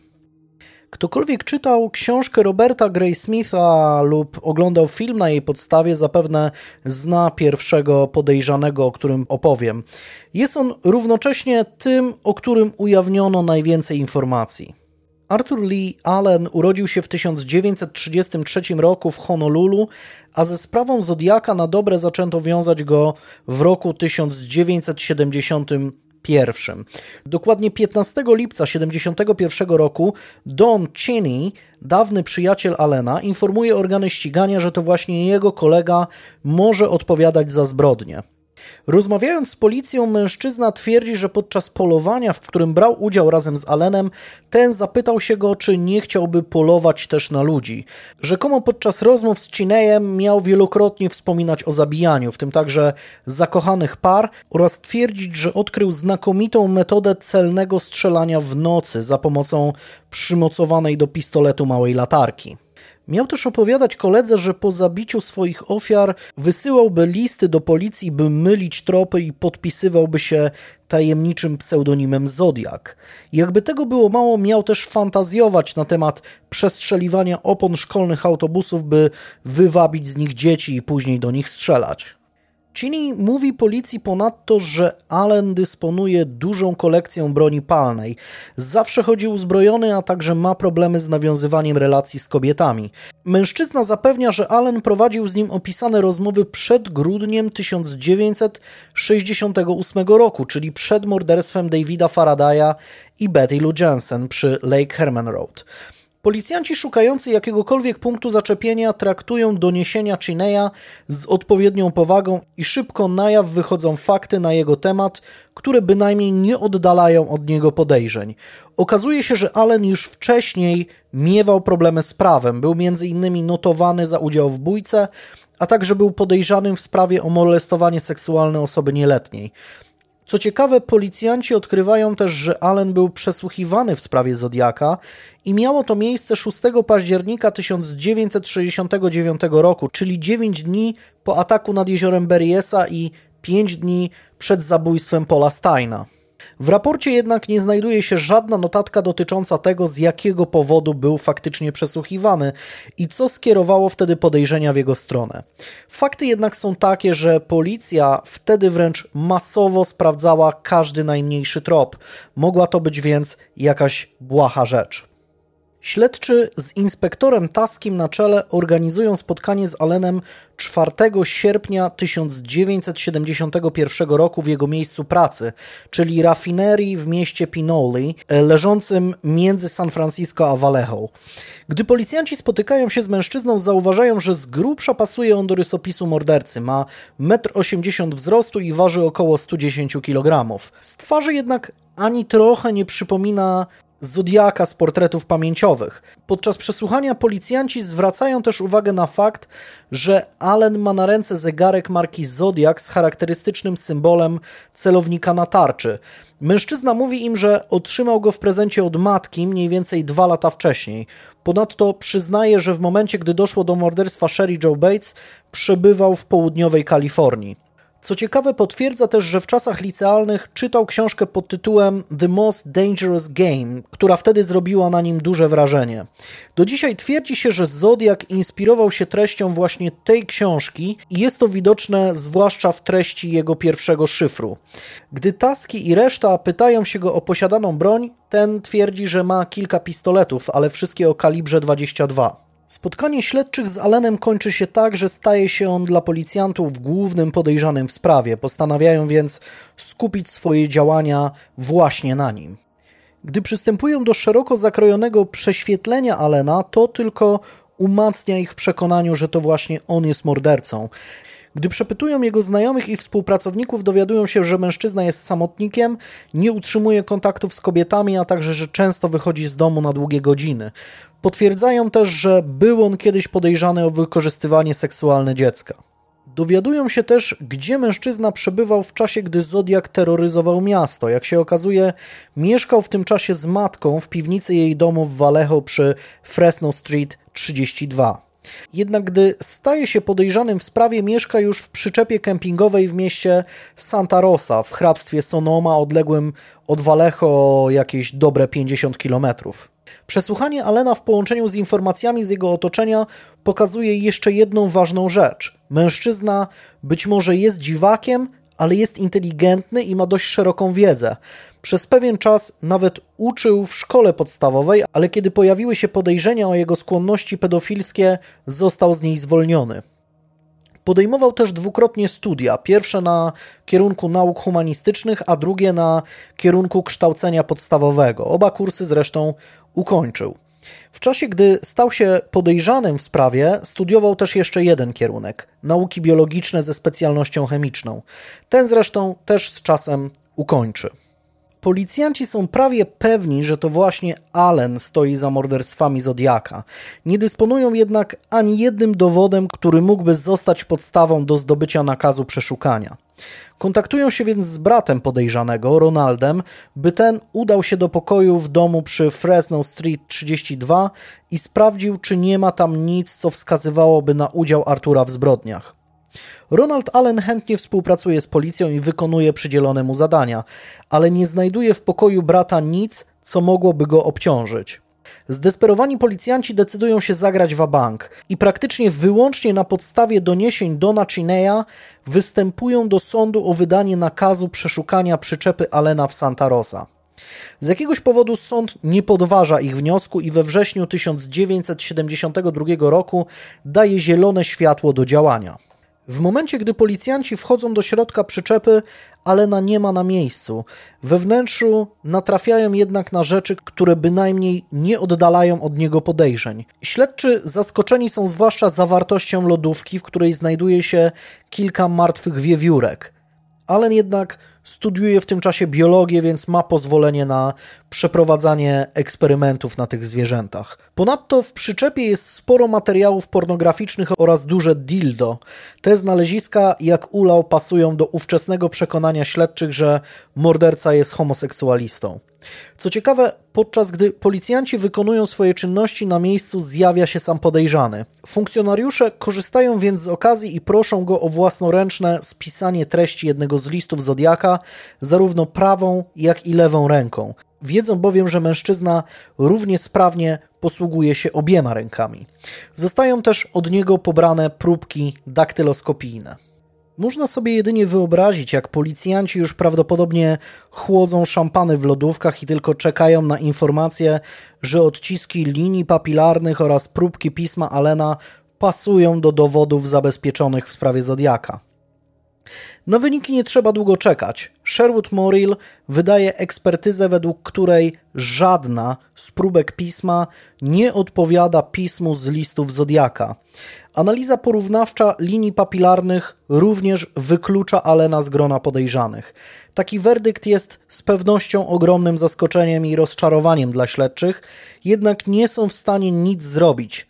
Teczka ich głównego podejrzanego trafia do szuflady. Jednak nie na długo. 1 października 1974 roku Arthur Lee Allen zostaje aresztowany przez biuro szeryfa hrabstwa Sonoma.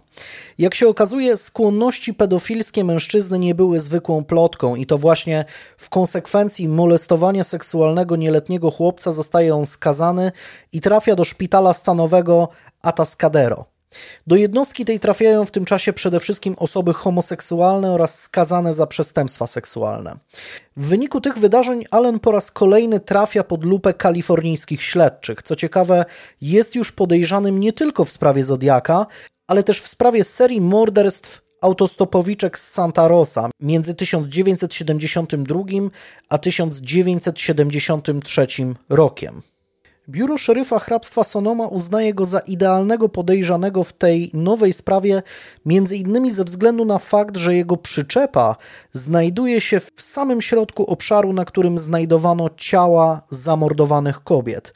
Z czasem staje się jasne, że powiązanie go z tą sprawą również jest niemożliwe ze względu na brak mocnych dowodów. Co ciekawe, podjęto za to jeszcze jedną próbę sprawdzenia, czy przypadkiem nie jest on zodiakiem. Tym razem z inicjatywy Departamentu Sprawiedliwości, który już mocno niecierpliwi się ze względu na wciąż przedłużające się śledztwo. Allen zostaje poproszony o wzięcie udziału w badaniu tzw. Tak wykrywaczem kłamstw. Publicznie nie ukazał się żaden oficjalny raport z tego badania, ale wiele książek i artykułów na temat sprawy wskazuje, że podejrzany przeszedł test i wariograf nie potwierdził jego udziału ani w zabójstwach autostopowiczek, ani w sprawie Zodiaka. Sam Allen zresztą w jednym z wywiadów później potwierdzi, że dokładnie tak było. 31 sierpnia 1977 roku Arthur Lee Allen kończy odbywanie wyroku i wraca do domu swojej matki w Vallejo. Kartoteka mężczyzny nie ułatwia mu znalezienia pracy i odnalezienia się na nowo w społeczności, w której plotki zapewne roznoszą się z prędkością światła. Allen jednak dostaje zatrudnienie jako mechanik w warsztacie samochodowym na początku roku 1978, a później kilkukrotnie zmienia pracodawców. W końcu zostaje sprzedawcą w sklepie z narzędziami w Vallejo, gdzie pracuje najdłużej. To jednak wciąż nie koniec prób powiązania go ze sprawą Zodiaka. Pod koniec lat 70. Robert Graysmith, rysownik San Francisco Chronicle, decyduje się napisać książkę na temat tajemniczego mordercy.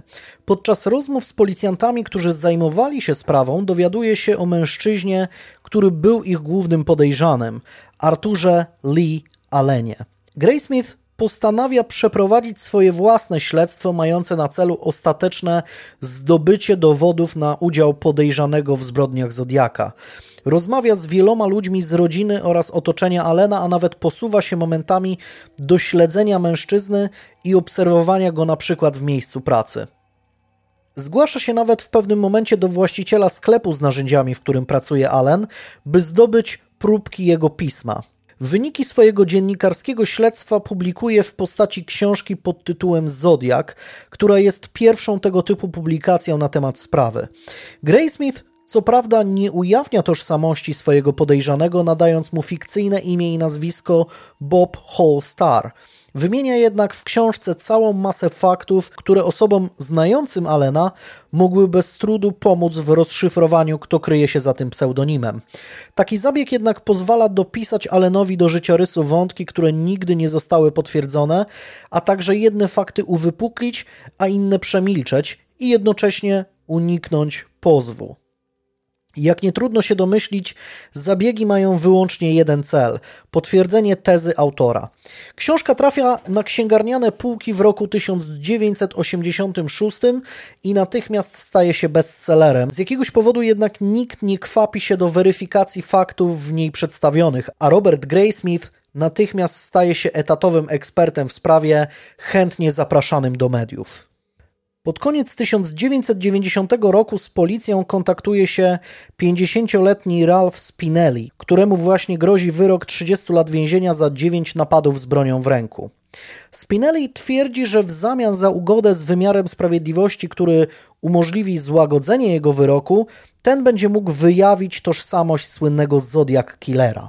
Policjanci z Vallejo zgadzają się na spotkanie z oskarżonym mężczyzną w styczniu 1991 roku. Gdy jednak siadają z nim do rozmów, ten od razu stawia warunek, że nie piśnie im ani słowa, dopóki nie zaoferują mu całkowitego wycofania oskarżenia. Funkcjonariusze nie są w stanie zgodzić się na taki układ, próbują jednak wyciągnąć cokolwiek od Spinelliego. Ten mówi im, że poznał mężczyznę, który powiedział mu, że zamierza pojechać do San Francisco, by zamordować taksówkarza. Wydarzyło się to według niego rzekomo w przeddzień zabójstwa Paula Steina. Policjanci podejmują próby wyciśnięcia jakichkolwiek dodatkowych informacji, ale Spinelli milczy jak zaklęty. W końcu po serii negocjacji i rozmów z jego obrońcą udaje się uzyskać kluczową informację. Mężczyzną, który powiedział mu o planowanym zabójstwie taksówkarza, miał być sam Arthur Lee Allen. Pomimo tego, że Ralph Spinelli jest skrajnie niewiarygodnym świadkiem, policja chwyta się brzytwy i po raz drugi wnosi o przeszukanie domu przy Fresno Street 32 a także przeszukanie żaglówki należącej do podejrzanego. Sąd ponownie wydaje nakaz 13 lutego 1991 roku i już następnego dnia funkcjonariusze pukają do drzwi rezydencji Allenów. Mężczyzna w tym czasie mieszka już w nim samotnie. Jego matka zmarła dwa lata wcześniej. Artur w pełni współpracuje z policją, jest miły i uprzejme. Funkcjonariusze opisują miejsce jego zamieszkania jako ponure. Po raz kolejny natrafiają na treści pornograficzne z gatunku sadomaso, dużą ilość krótkiej i długiej broni palnej, nóż myśliwski, a także materiały wybuchowe oraz akcesoria do konstruowania bomb. Policjanci zabezpieczają jako materiał dowodowy też zegarek marki Zodiak oraz wycinki z gazet dotyczące sprawy Zodiaka. Po raz kolejny nie udaje im się znaleźć nic, co bezpośrednio obciążałoby Alena. Co prawda, mężczyzna jako osoba skazana nie może być w posiadaniu tak dużego arsenału broni palnej, a tym bardziej materiałów wybuchowych, jednak z jakiegoś powodu nie decydują się na jego aresztowanie. Pomimo faktu, że funkcjonariusze policji starają się nie wywołać swoimi działaniami sensacji w okolicy, plotki zaczynają się rodzić natychmiast i zataczać coraz szersze kręgi. Krótko po tym wydarzeniu Arthur Lee Allen udziela szereg wywiadów, w których próbuje bronić swojego dobrego imienia. Twierdzi poza tym, że nigdy w życiu nie rozmawiał z Ralphem Spinellim. Departament Sprawiedliwości wpada na jeszcze jeden sposób, który może pomóc im powiązać Artura ze sprawą Zodiaka. Śledczy kontaktują się z Brianem Hartnellem, mającym już wtedy 43 lata i zabierają go do sklepu, w którym pracuje podejrzany. Hartnell ma udawać klienta i w tym czasie dokładnie przyjrzeć się mężczyźnie stojącemu za ladą oraz z nim krótko porozmawiać. Stwierdzi potem, że sprzedawca był faktycznie podobny pod względem postury do mordercy, który zaatakował go nad jeziorem Berriesa. Nie jest jednak w stanie potwierdzić podejrzeń policjantów, przede wszystkim ze względu na fakt, że nigdy nie widział twarzy swojego napastnika. W sierpniu 1991 roku policjantom udaje się spotkać z drugim ocalałym, 44-letnim Mike'em Majot, który po latach walki ze swoimi demonami i traumami jest już osobą uzależnioną od alkoholu i narkotyków. Funkcjonariusze pokazują mężczyźnie kilka czy kilkanaście zdjęć, wśród których jest fotografia Alena. Myrzeł po przyjrzeniu się wskazuje właśnie na jego zdjęcie i twierdzi, że to właśnie on strzelał do niego i do Darlene Ferrin. Po dłuższym namyśle jednak wskazuje na zdjęcie innego mężczyzny i twierdzi, że zabójca miał twarz bardziej podobną do tego drugiego. Po chwili jednak znowu wraca do Alena. W końcu policjant zadaje mu pytanie, na ile w skali od 1 do 10 oceniłby swoją pewność co do Alena. Myrzeł stwierdził, że dałby mu 8. Należy jednak pamiętać, że do ataku przy Blue Rock Springs doszło w nocy, a morderca w tym czasie oślepił swoje ofiary latarką. Allen wtedy już regularnie pojawia się w mediach jako główny podejrzany. Trudno więc ostatecznie uznać wskazanie Mike'a Marzeau za dowód mogący go ostatecznie pogrążyć.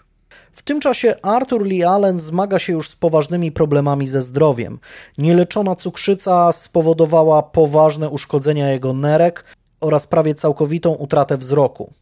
Wieczorem 26 sierpnia 1992 roku 58-letni mężczyzna umiera w swoim domu. Oczywiście natychmiast na miejscu zjawia się policja, która znów dysponując nakazem może po raz kolejny przeszukać dom przy Fresno Street. Funkcjonariusze zabezpieczają komputer i dyski podejrzanego, a także zabierają ze sobą kasety wideo należące do niego. Przeprowadzona wkrótce autopsja rozwiewa różne domysły. Mężczyzna zmarł z przyczyn naturalnych w wyniku ataku serca. Ponowne przeszukanie domu po raz kolejny nie ujawniło nic, co mogłoby połączyć Alena ze sprawą Zodiaka. W pewnym momencie pojawią się też informacje, które będą podważać wersję wydarzeń Dona Chineya, który mógł chcieć odegrać się na swoim byłym koledze. Rzekomo miał powody do podejrzeń, że Allen zachował się nieprzyzwoicie w stosunku do jednej z jego córek. Niektórzy twierdzą, że mogło to wpłynąć na treść jego zeznań. Przede wszystkim o niewinności Alena świadczą nie ma raczej wątpliwości co do tego, że Allen nie był zbyt dobrym człowiekiem, jednak o jego niewinności w sprawie Zodiaka świadczą trzy niepodważalne fakty. Nie był autorem listów Zodiaka, nie zostawił swoich odcisków na żadnym z miejsc zbrodni Zodiaka, a także nie zostawił swojego DNA na znaczkach, które były naklejone na koperty z jego listami. Oczywiście nie jest to równoznaczne z tym, że Allen nie był Zodiakiem, Niestety jednak fakty takie jak to, że nosił na ręce zegarek marki Zodiak, czy to, że bardzo lubił czytać taką czy inną książkę, nie są warte zbyt wiele. W takim razie poznajmy kolejnego podejrzanego. Mężczyzna, o którym zaraz opowiem, jest faworytem Toma Wojta, który od wielu lat zajmuje się sprawą Zodiaka i prowadzi stronę internetową oraz forum zodiackiller.com. W czasie, gdy książka Roberta Gray Smitha Święci triumfy w księgarniach wpada ona m.in. w ręce pewnego mężczyzny z północnej Kalifornii. Człowiek znany w środowisku badaczy sprawy Zodiaka pod pseudonimem Blaine Blaine po przeczytaniu słynnego bestsellera stwierdza, że zna tożsamość mordercy.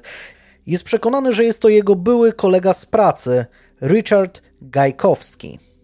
Gajkowski urodził się 14 marca 1936 roku w miasteczku Watertown w południowej Dakocie. W momencie ataku przy Lake Herman Road miał więc 33 lata. Jego rodzice mieszkają tam na farmie, są katolikami. W latach 50. trafia do armii, gdzie przechodzi przeszkolenie jako medyk. W 1963 roku przeprowadza się do San Francisco i mieszka przy Parnassus Avenue w północnej części miasta.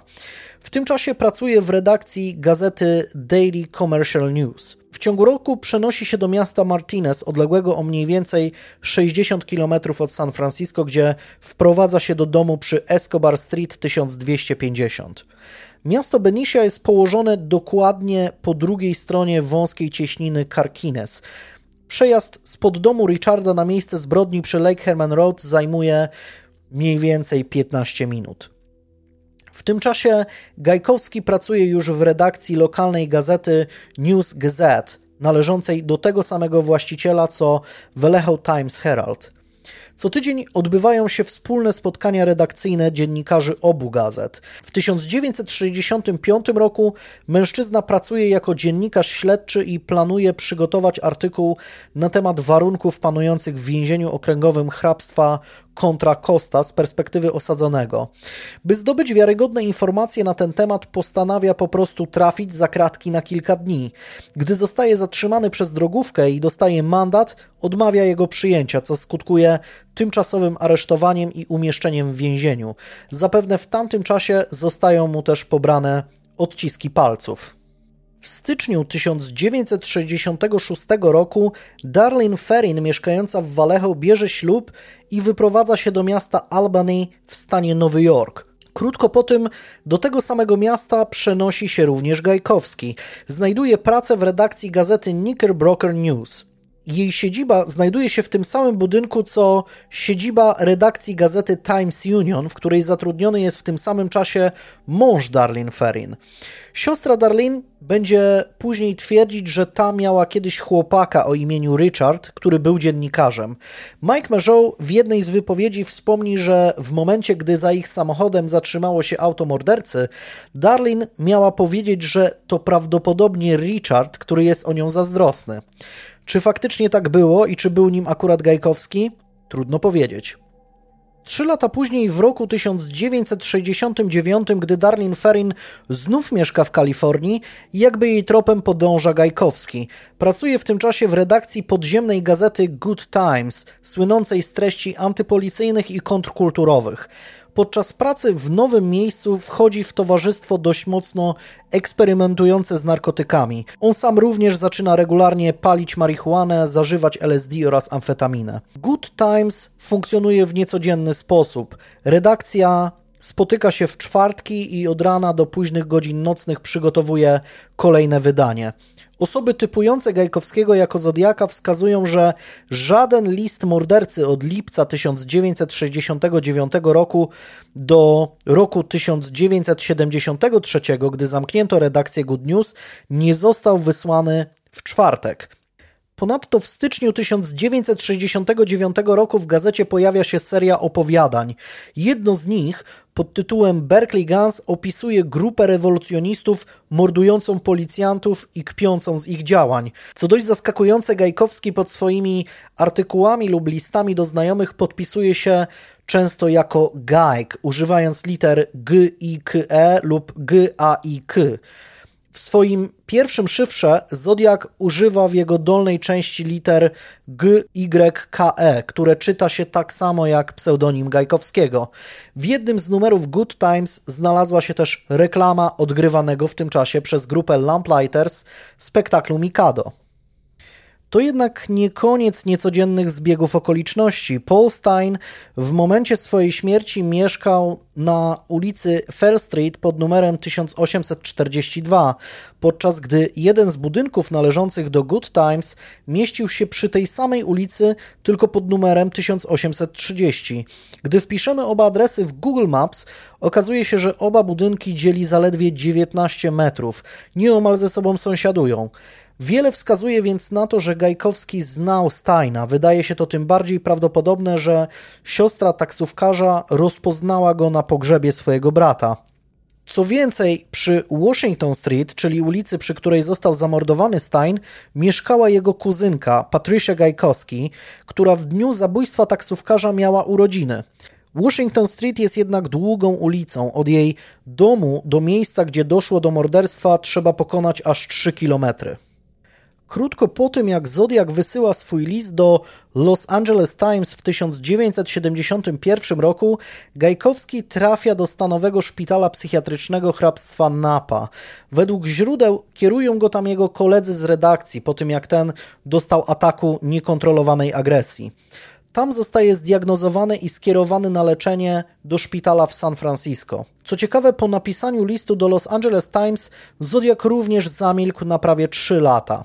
Gdy morderca odzywa się ponownie, nawiązując do filmu Egzorcysta, Gajkowski akurat pracuje w kinie mieszczącym się w dzielnicy Mission District. W marcu 1976 roku razem z kilkoma wspólnikami kupuje zabytkowe kino Roxy. Wkrótce staje się ono jednym z najbardziej znanych miejsc w San Francisco specjalizujących się w kinie niezależnym. Od lat 80. Gajkowski jest menedżerem różnych kapel punk rockowych i często udziela się w inicjatywach dotyczących legalizacji marihuany. W roku 1986 policja na krótko się nim interesuje, ale po porównaniu próbek pisma i pobieżnej obserwacji zaprzestała dalszych działań. Nigdy nie natrafiono na poszlaki tak silne, by móc przeprowadzić rewizję w jego miejscu zamieszkania, tak jak w przypadku Artura Lee Allena. Gajkowski umiera w roku 2004, mając 68 lat, co daje do myślenia, Twórcy filmu dokumentalnego na temat Zodiaka z serii Mystery Quest skontaktowali się w 2008 roku z Nancy Slover, dyspozytorką, która odebrała telefon od mordercy. Przed kamerami puścili jej nagranie głosu Richarda Gajkowskiego. Pomimo, że od jej rozmowy z Zodiakiem minęło prawie 40 lat, kobieta była przekonana, że to właśnie jego głos usłyszała wtedy w słuchawce.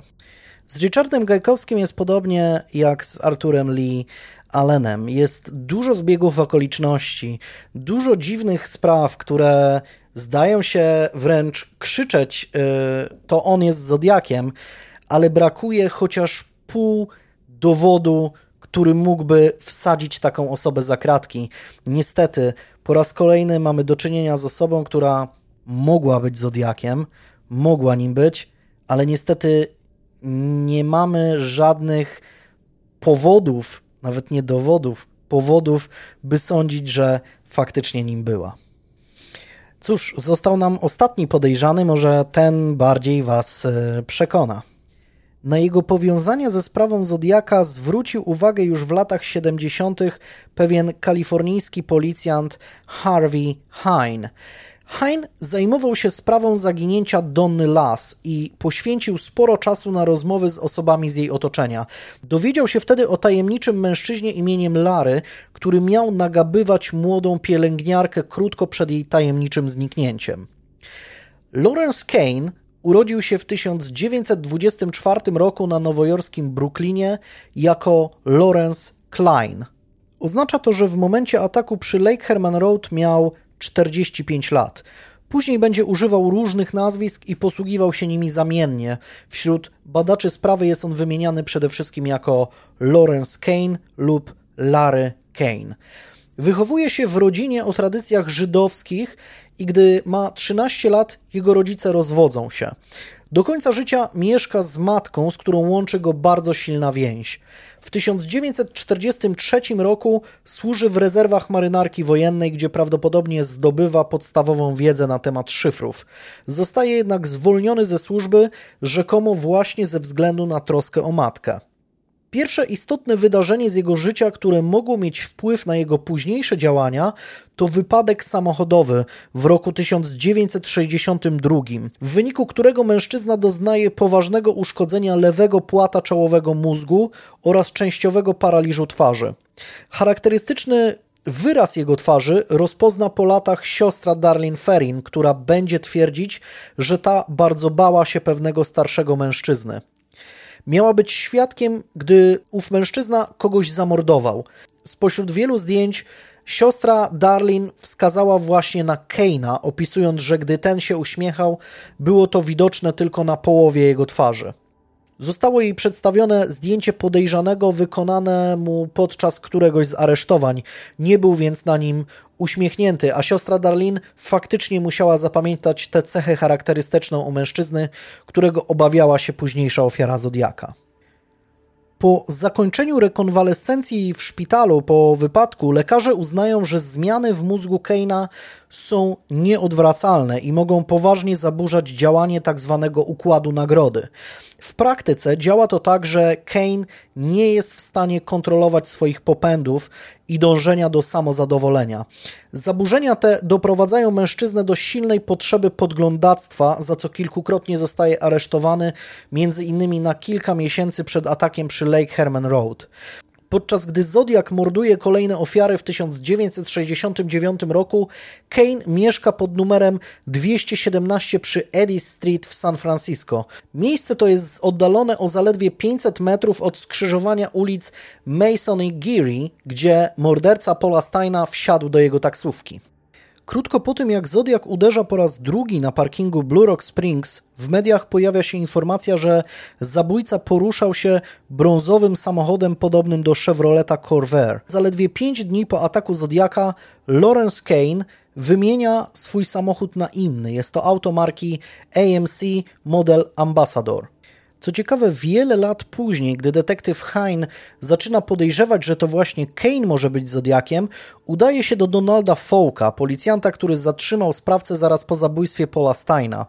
Gdy pokazuje mu zdjęcie swojego faworyta, emerytowany funkcjonariusz mówi, że przez 20 ostatnich lat pokazywano mu setki fotografii różnych podejrzanych, ale to właśnie Kane jest najbardziej podobny do mężczyzny, którego zatrzymał wtedy w Presidio Heights. Chwilę później jednak swoją pewność co do tego ocenia w skali od 1 do 10 na 7 lub 8. Podobne spotkanie Hein odbywa z Kathleen Jones, która została porwana przez nieznajomego mężczyznę w marcu 1970 roku. Spośród kilku zdjęć kobieta wybrała właśnie fotografię Keina, twierdząc, że jest on łudząco podobny do jej porywacza. Problem z tym wydarzeniem jest taki, że Jones w 1970 roku opisywała go jako 30-latka, podczas gdy Kane był wtedy 16 lat starszy. Donald Folk nie jest jedynym świadkiem, który wskazał na Keina. W 1994 roku Ryder McDowell, przygotowując artykuł na temat Zodiaka dla The Chronicle, spotyka się z Brianem Hartnellem i puszcza mu trzy nagrania audio. Dwa z nich zawierają głosy losowych mężczyzn w podobnym wieku. Trzecie jest autentycznym nagraniem głosu Lorenza Keina.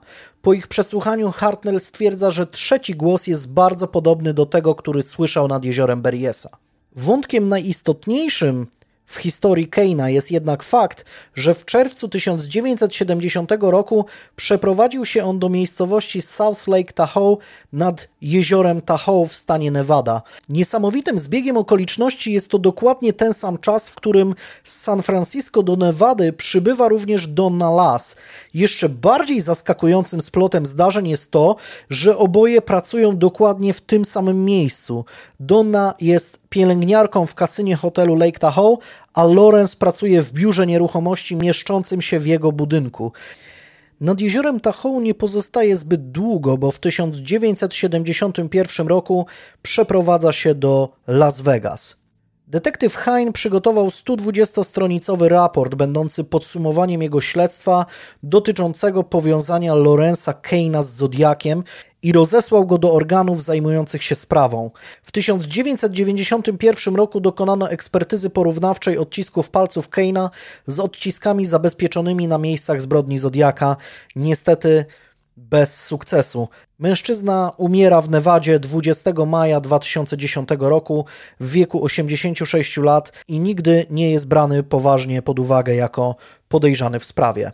To są sylwetki trzech osób najczęściej przewijających się na różnych stronach i w różnych źródłach poświęconych Zodiakowi.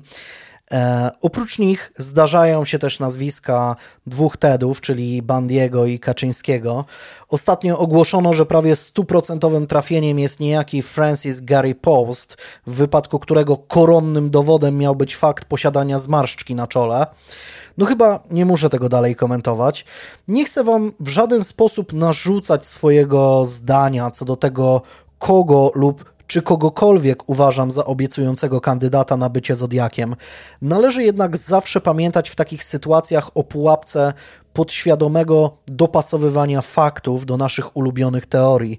Właśnie dlatego najpierw przedstawiłem wszystkie informacje na temat sprawy wraz z ich analizą, a dopiero na sam koniec omówiłem podejrzanych.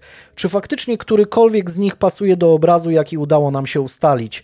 Zwłaszcza w wypadku Artura Lee Allena można odnieść wrażenie, że liczba dowodów świadczących o jego powiązaniach ze sprawą wydaje się bardzo obiecująca. Warto jednak pamiętać, że dowody nie tylko należy liczyć, ale także ważyć. Czy przy którymkolwiek podejrzanym dostrzegłaś, dostrzegłeś dowód wagi ciężkiej, półciężkiej, czy chociażby lekkiej, w mojej skromnej opinii, jeżeli kiedykolwiek poznamy tożsamość Zodiaka, to nie będzie nim nikt z przewijających się tu i tam nazwisk. Nie mogę się doczekać Waszych spostrzeżeń i przemyśleń oraz wniosków dotyczących tego materiału. E, mam nadzieję, że mm, będziecie e, tutaj e, aktywni pod tym, pod tym filmem, czy, czy będziecie się odzywać na naszych mediach społecznościowych. ogromne dzięki dla Ciebie, że dotrwałaś, czy że dotrwałeś do końca tego materiału, bo naprawdę szacunek. To znaczy, że masz medal prawdziwego zodiakalnego świra. Jednocześnie bardzo chciałbym podziękować e, Dorocie, która pomogła mi w e, spójnym i zwięzłym napisaniu tego, co miałem na myśli w kwestiach profilu psychologicznego Zodiaka. Podzieliła się ze mną swoją, swoją wiedzą, za co jej E, ogromnie dziękuję. Mam nadzieję, że już niedługo zobaczymy się w kolejnym e, odcinku. Obiecuję, że nie będziecie musieli już czekać na niego aż e, tak długo, bo w sumie kończąc ten odcinek już jedną ręką go robiłem, a drugą już przygotowywałem się do następnego odcinka, więc mam nadzieję, że pojawi się on już niebawem. Jeszcze raz wielkie dzięki i do następnego. Cześć.